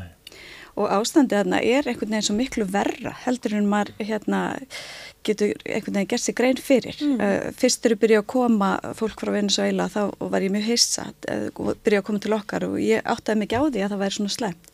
Svo fyrir ég að, að tala meir og meir um fólk og það fyrir komið ljós einhvern veginn að ástandi er svo miklu miklu verra mm. heldur en maður gerir sér í hugalund mm. eins og bara það að vennlegt fólk það rennur ekki vatn í krönunum -hmm.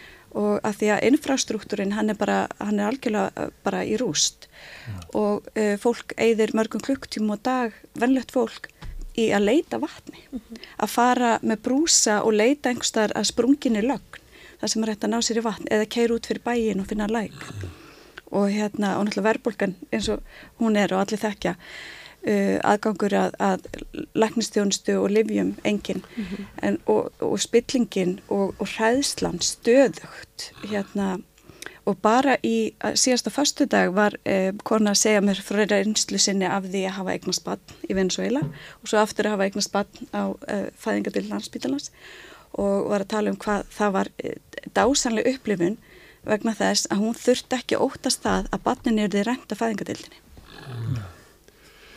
Ok, en hvernig hefur hérna, fólki frá Venezuela farnast á Íslandi? Þeir sem hafa fengið hæli, þeim hefur farnast mjög vel mm. og bara fengið vinnur komið hérna með heimili börnin komin í skóla og allir mjög áhuga samverðum um að læra tungumálið mm. og hérna svona hlæja mikið að því, að svona Já. þakka okkur kannski ekki fyrir akkurat hvernig tungumálið er, en allir sem leggja sér fram mm. og, og hérna og ég held að reynslan sé bara svo að þetta er fólk sem að, að það er svo mikið hjarta í öllu sem þau gera sko, þegar þau nú er komið til Íslands þá er það bara eitthvað stórkoslegt og þá eru þau mjög innilega bara svona all in í að vera á Íslandi mm -hmm. þannig að og það er svo eins og þú nefnir sko fólk sem kannski koma sér um tíma þessi bara rétt slapp sko hann alltaf setti fyrir ost og búin að koma sér fyrir og bara eiga orðið sko eitthvað líf sem gæti orðið eitthvað þess komið með grundull til framtíðar mm -hmm. og hinn er jæfnvel ennþá upp að ásprú að býða og ekkert búið að gerast og börnin ekki í skóla og, og og er raun bara algjör kirstaða mm. og er raun eina sem hefur eitthvað breystir það er meiri kvíði og ótti yfir því sem mm. gæti orðið sko. mm. en, en allir hinnir bara undatekningalöst sko, komið í vinnu og sko þetta er fólk sem tekur vinnu ekki sem sásum hlut þannig að ég held að það sé mjög öllu í vinnu þau eru mjög viljug -hmm. og þetta stereotýpur er ekki góða hvort það er ekki ákveðið að neika er sko en svona mín reynsla hefur verið að þetta er bara mjög viljugt fólk. En börnin hérna fóraldra sem ekki hafa fengið kennitala, eru þau ekki í skóla þá? Jú, jú, jú. en það eru samt eins og upp á ásprúður, 127 börn á ásprúð sem er ekki í skóla. Og, og, og það er vegna þess að uh, okkar infrastruktúr tekur ekki á móti fleiri flottabörnum Uh, bara skólakerfi í, í Reykjanesbæði bara sprungið og það er kannski ekki endilega út af þessari samramdu mótöku, það er meira það að, að útlendingastofnun tók á leigu einhverjar blokkir á ásbrú mm. uh, á, ekki í samtali við Reykjanesbæ og þar eru þetta, þar var þjónusta þann hóp mm.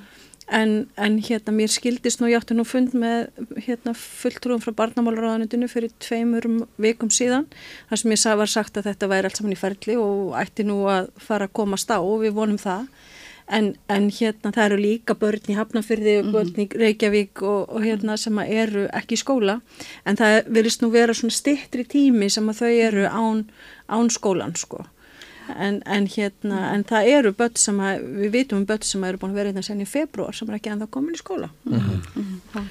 Það komin saman mörg samtök uh, sem að uh, málið snertir hjá ykkur í herrkastanam. Mm. Verður framhald af, af því starfi? virkaði svolítið svona fallega, voru mjög ólík samtök sem þarna voru að vinna saman. Við höfum haldið samtalin áfram og, og hérna höfum hist einu sinni síðan, það sem við byggðum engum ráðurum eða einhverjum svo leis, en, en höfum svona verið að fylgja stöðun eftir, við erum að hérna, skiptast á hérna, tölvupostum og, og fylgja málum eftir og ég heyrði nú bara í útvarpin í morgun og hún Morgan sem er hér í rétt barn á flótta, mm. var að tjá sig mitt um skólagöngubarna sem að, að hérna, eru þjónustu svift og annað og, og hérna og það er svona svolítið það sem við höfum verið að ræða bara þjónustu við ákveðna hópa og, og svona mm. þannig að það samtal er mm. í gangi mm. Tóku þið þáttið því? Ég misti að þessum hundi, ég vissi á hann En samhjálp var með Samhjálp, já, já og mm. hérna þannig að mm. fulltrúið frá þeim var, var þarna Herðu, kæra þakki fyrir að koma hingað og segja okkur frá Má ég, Já, má ég segja eitt? Það er eitt sem bara brennur svona pínlít á mér og hérna uh, ég tek undir allt sem þið eru að segja hérna og, og varandi það að, að flóta fólki frá Venezuela vegni vel. En ég upplifi svo mikið einhvern veginn í okkar samfélagi að við uh, þurfum alltaf að réttlæta allt út frá einhvern svona fjárhæslegum fórsendum. Mm -hmm. Og það er svona kapitalísk hugsun að við uh, erum alltaf að mæla það uh, út frá því hvað við græðum með töpum og þannig er það einhvern veginn með flótta fólk að það er alltaf verið að tala um sko hvað græðu á þeim eða hvað töpu á þeim. Mm. og mér, mér er svo sárt að þurfa að fara inn í eh, umræðina sko einhvern veginn á þessum fórsendum uh, vegna þess að ég, bara, ég trúi bara á mannréttindu og manngæsku og við hefum að hjálpa fólki bara að mannúð. En, en það, það, þessi vél svona er í gangi og hún, hún svona gengur út á þetta hérna, hvað ég segja, þessa orðræðu. Og um, já og þá er ég kannski komin í mótsögnu sjálf á mig en hérna en þá, þá ef maður ætlar að beita þessar orðræðu þá er mjög auðvelt að færa rauk fyrir því að fólk frá Venezuela ætti að fá að vera hérna vegna þess að þetta er þvílikum mannauður mm. þetta er fólk sem er upp til hópa óbúslega vel mentað þau eru rosalega dugleg, þau eru rosalega opinn og þau falla mjög vel að hérna samfélaginu mm. og þau vilja vel og ég held að við sko umræðan hefur verið rosalega og sko um, hún hefur verið rosalega skökk gagvart hóknum frá Venezuela Það er eiginlega bara stefna stjórnvald að það má vel vera að það veri gott að byggja samfélagið á kærleika. En bara því miður, við erum ekki efnaði við ætlum fyrst að eiga mikla peninga. Já. svo ef við erum á nóga peningum þá ætlum við að veltaði fyrir okkur hvort að við höfum efna á kærleika. Það er svolítið þannig. Og umræðan gagvart fólkinu frá einsöla hefur verið svolítið skökk að því að það hefur verið talað um að þetta sé upp til hópa glæpa fólk, mm. glæpamenn sem eru að koma hérna með klíkur og, og hérna leggjast á kerfið og, og hérna og það er bara alls ekki þannig þetta er upp til hópa velmenta fólk og við þurfum átt okkur því að koma yngað kostar ótrúlega mikið Þannig að þetta er millistjættin eða jafnvel uh, sko, velmentaða hérna, stjættin, mm. aðeins ofari millistjætt þetta er hugsandi fólk sem er á móti hérna, stefnustjórnvalda í sínu heimalandi og er í hættu vegna þess að það eru móti stefnustjórnvalda. Mm. Þannig að þetta er, þetta er mjög klárt og flott fólk og ég hef sjaldan séð fólk sko, ákveðið í að láta gott að sér leiða. Mm -hmm. En við ættum náttúrulega líka að taka móti fólk úr lástöldum. Auðvitað, eigum við að gera það. Vegviltu fólki, örfandikafullu fólki já. sem að segja kannski eitthvað skrítið sem við skiljum ekki. Auðvitað, og þess vegna er ég að segja þetta er, ég er í mótsögnu sjálfum með að segja þetta að því að við eigum ekki að mæla hlutuna út frá þessum. Ég skilði vel, það getur verið mjög erfitt að þurfa að svara sko hérna svona yfirlýsingu sem að byggja á einhverju svo miklu í skekkju Já. og þá hérna reynur að svara því allt í nættu stattur í skekkjunni og þetta Já. er flókið sko. En Þískaland reiknaði þetta nú út að, hérna, Já. hvað var, hérna, hver ávinningurinn var að taka móti flottu fólki, kenna þeim tungumáli og svo tóku þau stöðuna eftir einhver x ári, ekki hvað það var Já, já. og það var miklu meiri ávinningur heldur en kostnaður af því að taka móti fólki sem að er í neyð einhver stað frá, Já. hvort sem það frá Venezuela einhver stað annar Já, stað.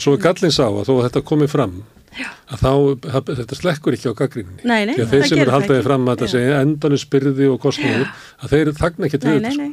En ef við myndum trúa þessum rannsóknum sem að sína það að hvað samfélagin græða uh, fjárvarslega fyrir utan allt hitt á innflytjötu þá ættum við náttúrulega upp rakettu í hvað skiptir sem ykkur kemur þetta.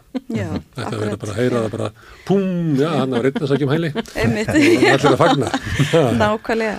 Og þarna líka sko bera náttúrulega líka sko vegna þess að þeir uh, hafa líka tekið þátt í þessari neikvæðu umræðu um flótafólk. Hvað þetta er kostnaðasamt og hvað þetta er mikið byrði. Og ég upplifi að, að sagt, uh, mínir gestir að það hefur orðið rosalega breyting á viðhorfið til þeirra uh, á undarförnu ári og versnað. Já. Það er miklu meiri.